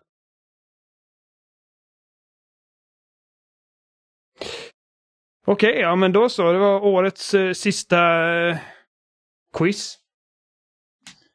Eh, Yes. Det var ändå det var inga, inga massiva skillnader i poäng mellan någon av oss. Så att, eh, det får vi klappa oss på axeln för. Jag har jobbat alla. Ja. Bra gjort. Och, eh, Eh, ja, vi får se hur det ja, sköter vi nästa år. fortsätter med quiz. Vi fortsätter med quiz nästa år, men får vi se om vi ändrar upplägget lite. Jag tror fortfarande på flervalsfrågor. Eh, Vi testar det. När, när, när, när, vi, när vi gör det i januari så testar vi att göra flervalsfrågor och så får vi se hur det känns Ja. och så får folk ge feedback. Ja, precis. Ehm, Då blir det Amanda nästa Ni gång. får heller inte miss... Ja, ja, det blir det. Amanda får inleda 2024 med ett quiz. Eh, och missa inte att vi på lördag kommer att streama eh, spel klockan 12. eh, till 10, till 11 blir det. Eh, där vi kommer spela 10 favoriter från i år. Eh, som vi brukar göra varje år. Och Martin kommer hit också och ska, ska bli ägd i Street Fighter 6. Eh, och, och, och spela Lies of P och vi ska spela lite Party Animal. Så vi har, vi har en hel del spel vi ska, vi ska spela. Eller 10 spel för Definitivt. att vara exakt. Eh, Sen så är det ju den andra veckan i januari, måste det bli, som det ordinarie avsnitt igen. Just på grund av att det är ju sista veckan i december som vi har paus och sen så är det första veckan i januari som det blir spelmusik extravaganza. Yes. Kan inte lova att det avsnittet kommer ut på onsdag, det kanske kommer ut på fredag istället. Eh, beror lite på. Men eh, ja, tack för er som har eh, lyssnat på vårt gigantiskt långa avsnitt, för nu kommer det verkligen bli långa avsnitt på rad här dessutom.